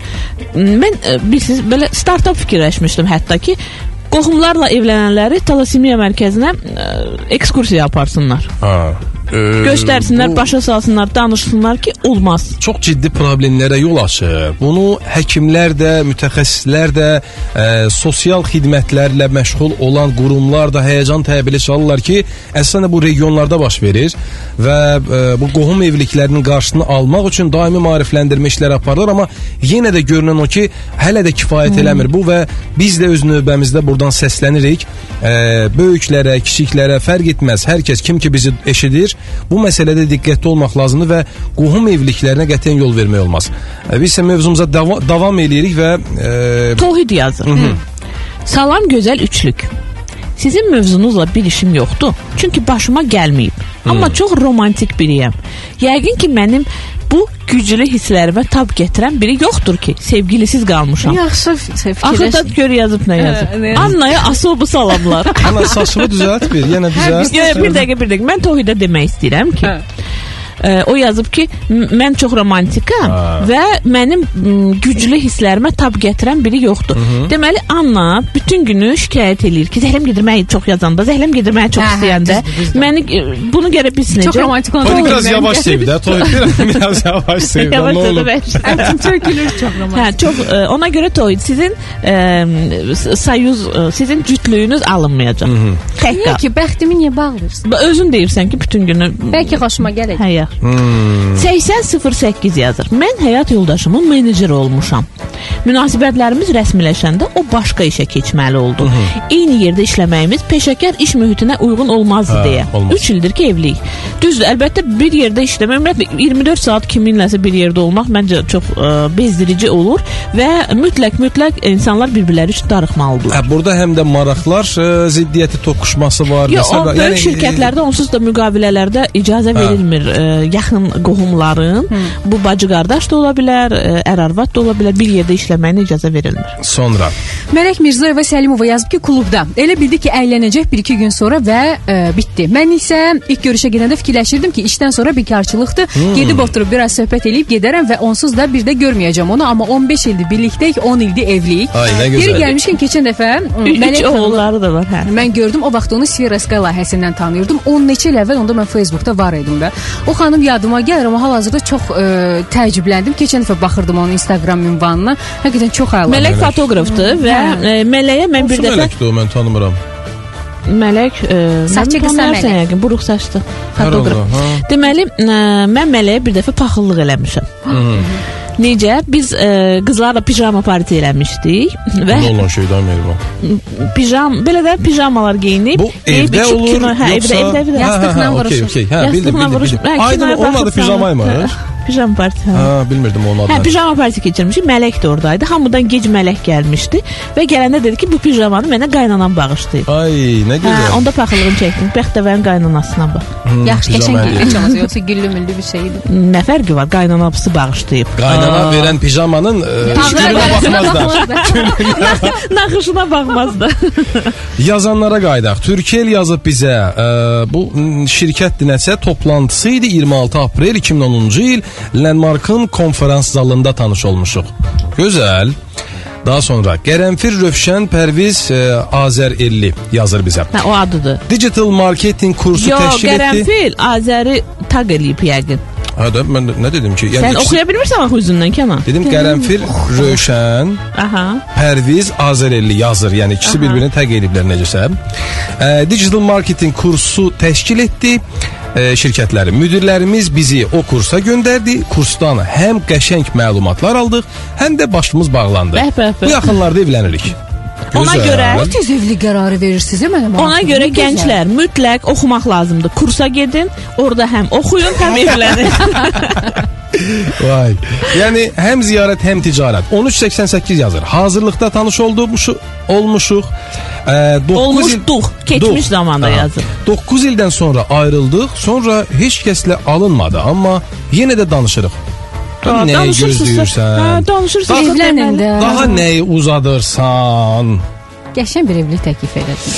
Belə, yazın bizə zəng vurun biz də oxuyaq və görək siz necə tanış olmusunuz? Evlilik hekayə daha doğrusu, tanışlıq hekayənizi bizimlə bölüşün. Nömrələrimiz Bu arada mövzumuz var. Bilmək istəyirik bizim dinləyicilər. Yəni siz öz sevgilinizlə necə tanış olmusunuz? Özümüz də danışacağıq o heç. O öz yerində gələk yazılanlara. Baxın, e, 075151055 WhatsApp nömrəmizdə bura yazırsınız. Zəng üçün isə ulduz 1055-dir. Zəng vurun danışaq. Vasif yazır. E, özümə rus dili kurs axtarırdım. Bir müəllimə internet vasitəsilə e, tapdım və sonra kurs barədə danışdıq. İkinci dərsdən sonra sevgili olduq. Hələ də rus dilini bilmirəm. Ay Vasif, təbii ki də. Yəni bilməzsən də. Başınız qarışır. Bir heç olmasa kursa gedib bir balaca ucundan qulağından öyrənərdin sonra. Mənim Malayziyada dostlarım var, Elnurla Bəsti. Aha. Bəsti də Elnurun ingilis dili müəlliməsi olub. Amma bilir Elnur ingiliscə. Bilir, bilir, hə. O da yəni. Elə bir ki, artıq köçürdü başqa ölkəyə və e, Peki, daha da müəllim, orada mənə müəllimə lazım Yo, ola yo, bilər. yo, yaxşı. daha yaxşı ingilis dilini daha yaxşı eləmək istəyir də, improve eləmək istəyir. Hmm. Demək bunlar gör, ə, görüşüblər. Ə, bu Vasif Vasif kimi kursa gedə-gedə sevgili olub sonra evləniblər. İndi artıq Vay uşaqları, hə, 10 10 12 yaşı var böyük qızının, hə. Yəni müəllimədə fərasətə baxın. Belə olmur. Gəl sənə həyatı öyrədim. Hə. Gəl sənə əşi dili cadı kənara qoy, gəl bura görək. Asif yazır. İlk tanışım ə, Tanışlığım. İlk tanışlığım orta məktəbdən oldu. Evləndik. 8 il xoşbəxt olduq. Amma 8 il davam elədi. İkinci tanışlığım 5 aydı. Hazırda ondan xoşbəxtəm. Və birinci dəfə alınmayıb, ikinci Ha. dəfə ə, yəni fərqi yoxdur neçənci dəfə. Əsas odur ki, xoşbəxt ol. Məsələn, ə, elə ailələr var ki, elə cütlüklər var ki, ə, yəni uşağa görə bir yerdə olaq, cəmaət nə deyər deyib, xoşbəxt olmadan bir yerdə yaşayırlar. Yəni. Amma bu ə, siz həyatınızı bir dəfə yaşayırsınız və mütləq xoşbəxt olmalısınız. Hə, həyatınızı boş yerə xərcləməyin. Təbii ki, Siz yəni də xoşbəxt deyilsiniz. Ay yaşa. Sevgiliniz də xoşbəxt deyil, uşaqlarınız da xoşbəxt deyil. Yəni siz sevməyə-sevməyə bir yerdəsiniz. Bunu əlbəttə ki, uşaqlar kənardan hiss edirlər. Bu da onlar üçün böyük travmadır. bu arada görə Elxanda necə olub? Alo, danışın. Hər vaxtınız xeyir olsun. Necəsiz? Yaxşı olun Elxan siz necə? necəsiz? Sağ olun. Aqiləm. Ah, Elxan biraz xoşbəxt olun da. Xoşbəxt danışın. romantik gəlmək üçün. Vallahi mən xoşbəxt, mən bir, bir bilsəz mən necə xoşbəxtəm. danışın onda. Necə olub sevgilinizlə? Necə tanış olmusunuz? Heç nə, mən şəhərdə idim, gəzirdim. Aha. Buradan evdən mənə zəng elədilər ki, bəs bəs xalan qızı burada şeydədir, bu opera balet teatrında və istəyir onu qarşıla, apar evə yola sal, gec çıxacaq biraz. Aha. Aha. Öz xalanız qızı. Bəli, doğma xalam qızı. Hə. Onda getdim onu orada oturdum biraz gözlədim çıxdı. İndi də nə oğlumu gözləyirəm məşqin qabağında onu gözləyirəm. Aparım evə. Yox, xal- Biz evliyik. yox, xal- xalanız qızı ilə evlisiniz.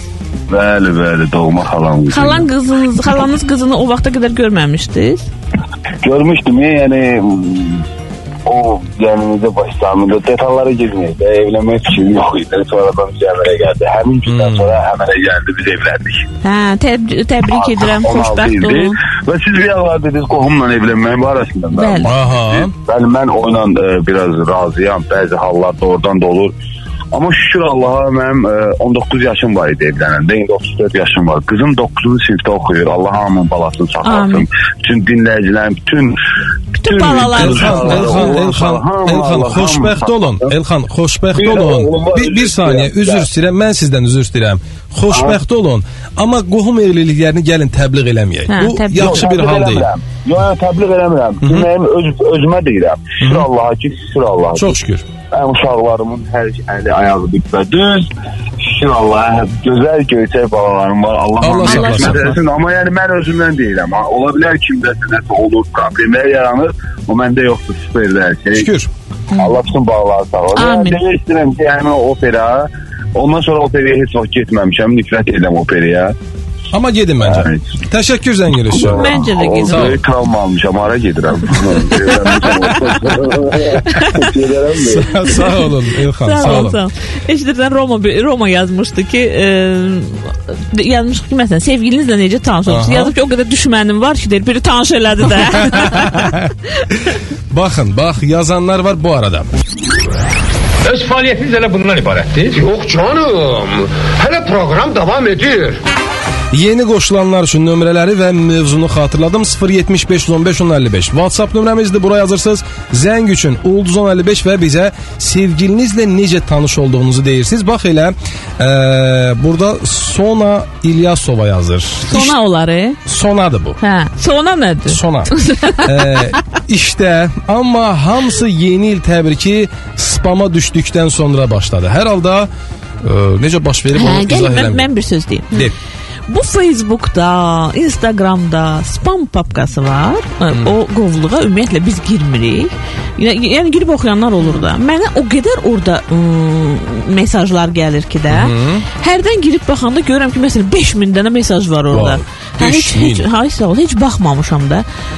Baxanda görürəm ki, nə qədər iş təklifləri olur, əməkdaşlıq təklifi. İnanırsan bax ona. Siz də baxın. Bəlkə elə bəxtiniz ordadır. Aha. Sevgiliniz ordadır. Bir dənəsi də gəldi. Bax bir dənə də yer tapdınız artıq sevgililərinizi tanış olmaq üçün. Hə. Harda tanış olsun? Spamda.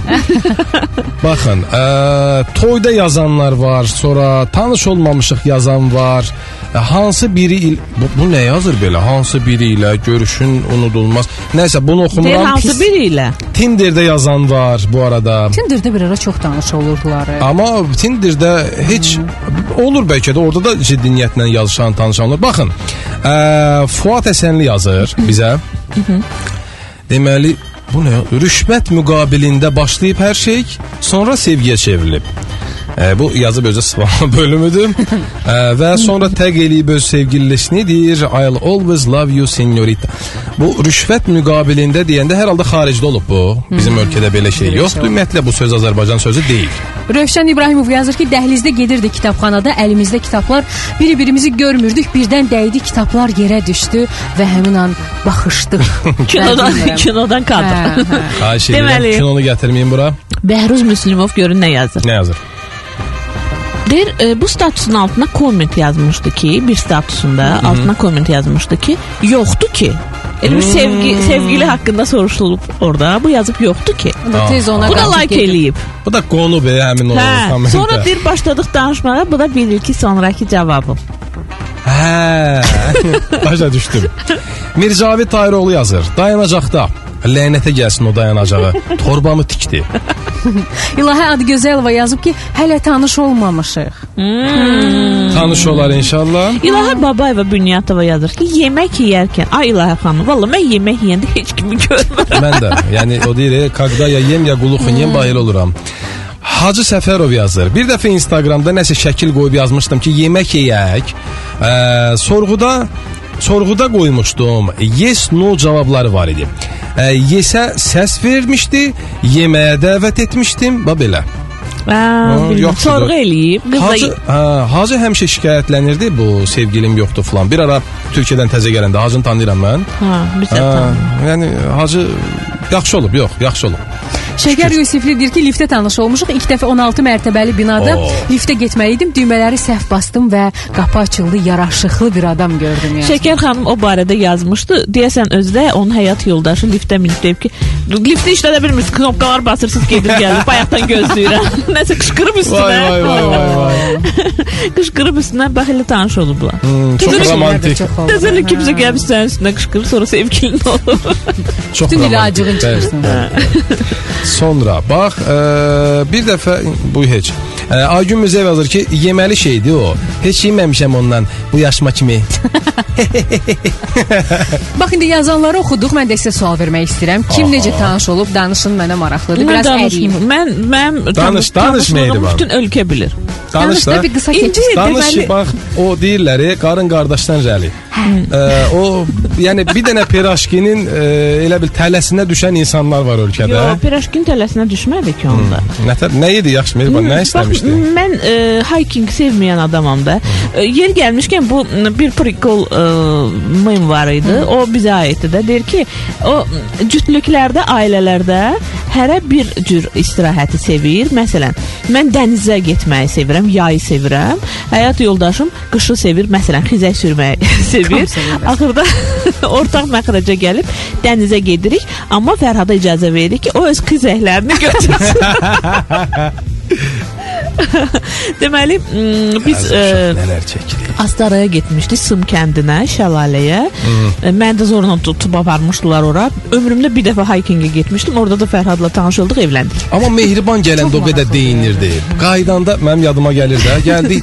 Gəldi Mehriban necə oldu belə soyuq, donmuşam, ölmüşəm. Acından yoruldum, ölmüşəm, acdım, yoruldum, elədim. hə. Hə, amma onda deməmişdi mənə ki, belə bir yaxşı hadisə baş verib ki, tanış olduğum var. Yo, onda ım, bir neçə aydan sonra mən qərar verdim də. Yəni görən kimi aşiq olmadın. Bax bunu bilmək istəyirəm. Bu mənə çox maraqlı Yo, gəlir. getdim dedim ki, bu oğlan kimdir? Hə. Sonra Fərhad mənə dedi ki, Get əlini qoy ki, bu Yo- mənimdir. yo- yo, deyir ki, sən necə deyir? Sən necə oldu ki, mən mən səni cəlb elədim də. Deyirəm ki, mənim xoşum gəldi saçı uzun oğlana. Bir niyə yalan deyirsən? Mənim başımda papaq var idi.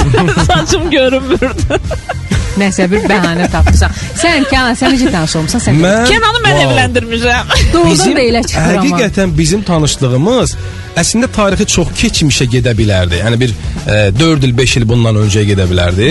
E, bizim əslində e, belə də qohumluq bağlarımız var bir növ və e, vaxtaşırı anam nəsə söz atırmış ki oradan bəs e, filan kəs var, filan kəs gel qohumdular. Mən də bilirəm axı söhbət hara gedib çıxır.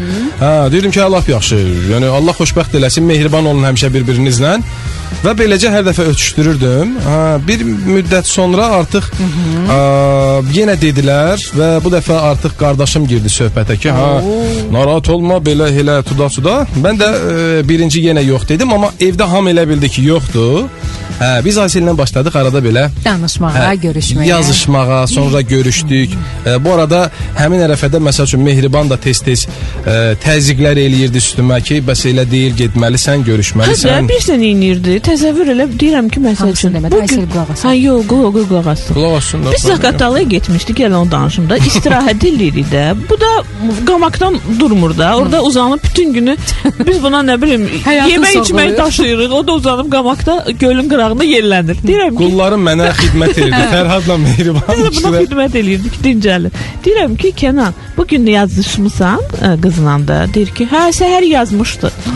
Səhər yazmışdı. onda yazmışdı, hə. Deyirəm ki, cavab, nə cavab, nə yazdın belə? Hələ cavab verməmişəm. Baxdım, gördüm saat ə, 4-dür. Yəni mənə 6 saat yazmayan oğlanı bloka ataram. Yəni səyib Mən plakat. hə, götürdüm telefon verdim, yığ. Yığ durdum başının üstündəki danış. Ay çox Hə, qəşəng. Sonra da bir dəfə biabır elədi. Yəni söhbətin şirin yerinə Mehriban hə, gəldi ki, hə Yenə orada nə varsa bağlayırsan. Acil də bunu işte təzə tanış olmuşuq. İmkan vermədi də mənim də artıq gülmək İmicini tutdu. Ha, mən də gülmək tutdu. Dedim ki, indi danışa bilmirəm. Aha. O da başa düşdü ki, artıq burada nəsə başqa şeylər baş verir.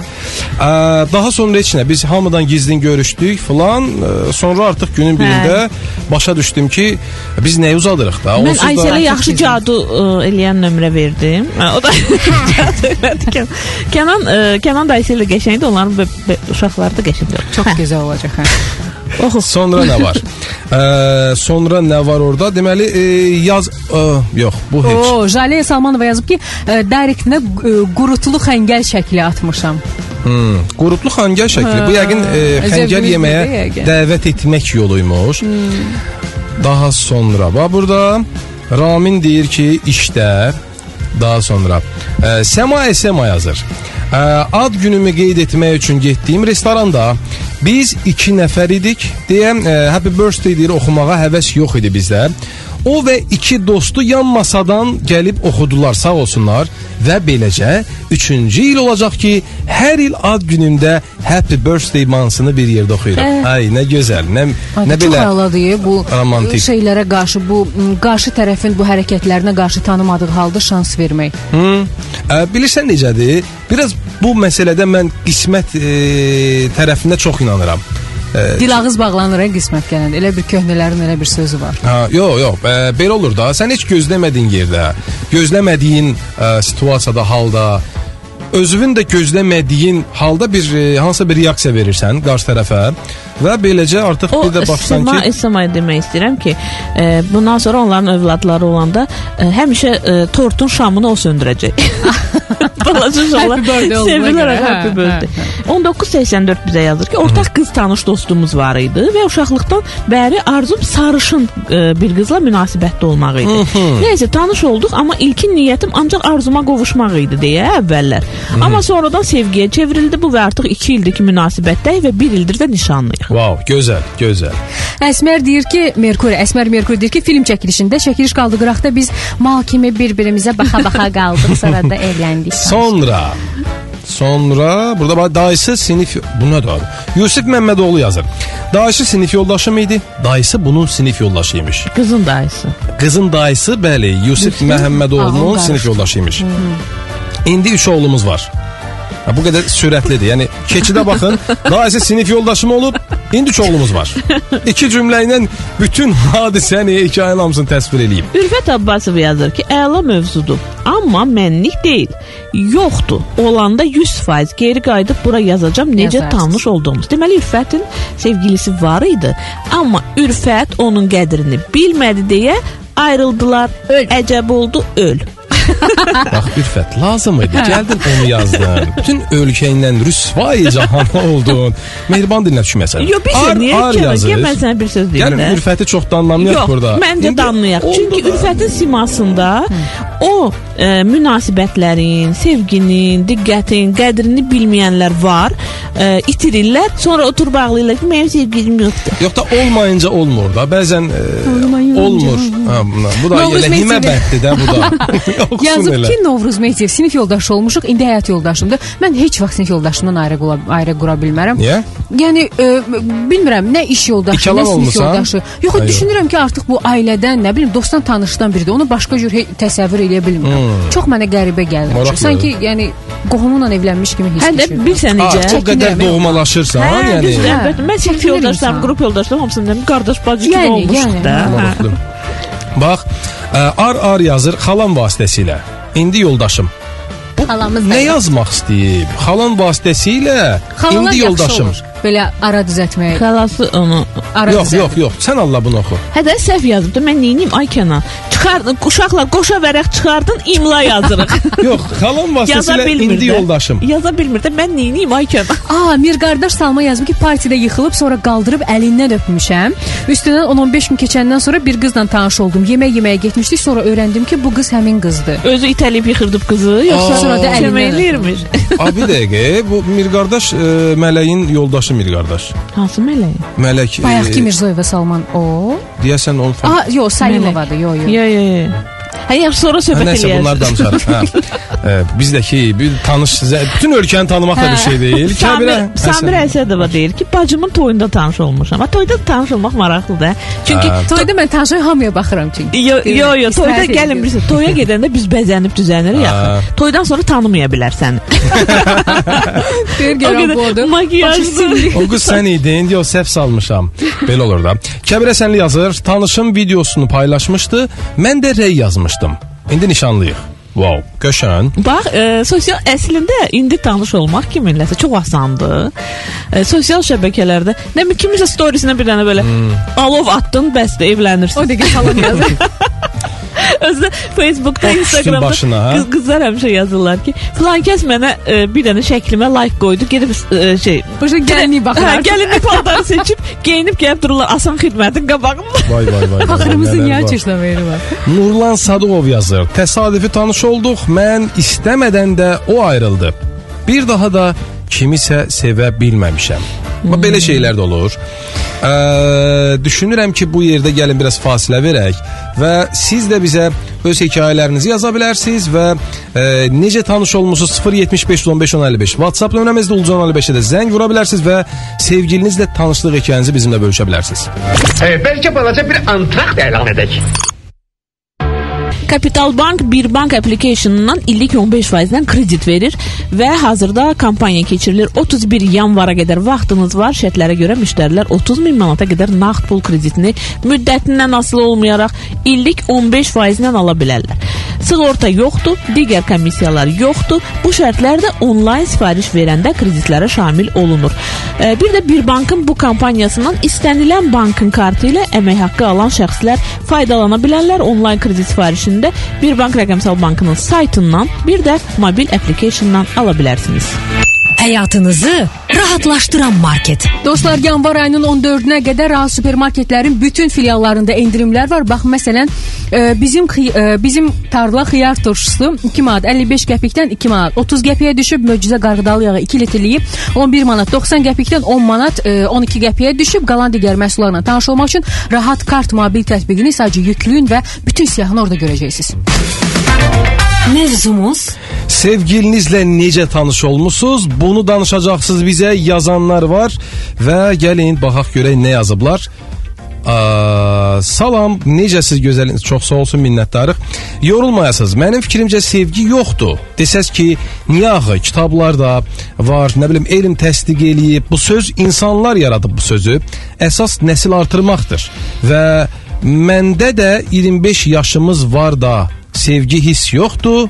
E, sevməmişik, ancaq iş iş ev müharibədə lap drama verdim. E, yazmağı öyrənin. Bu arada onu deyim, e, o öz yerində. E, qalınca ki sevgi yoxdur, var.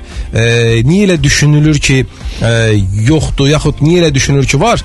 E, hardasa bu məsələdə fikirlər e, haçalanır. Bir qrup deyir ki, bu sırf hormonların işidir.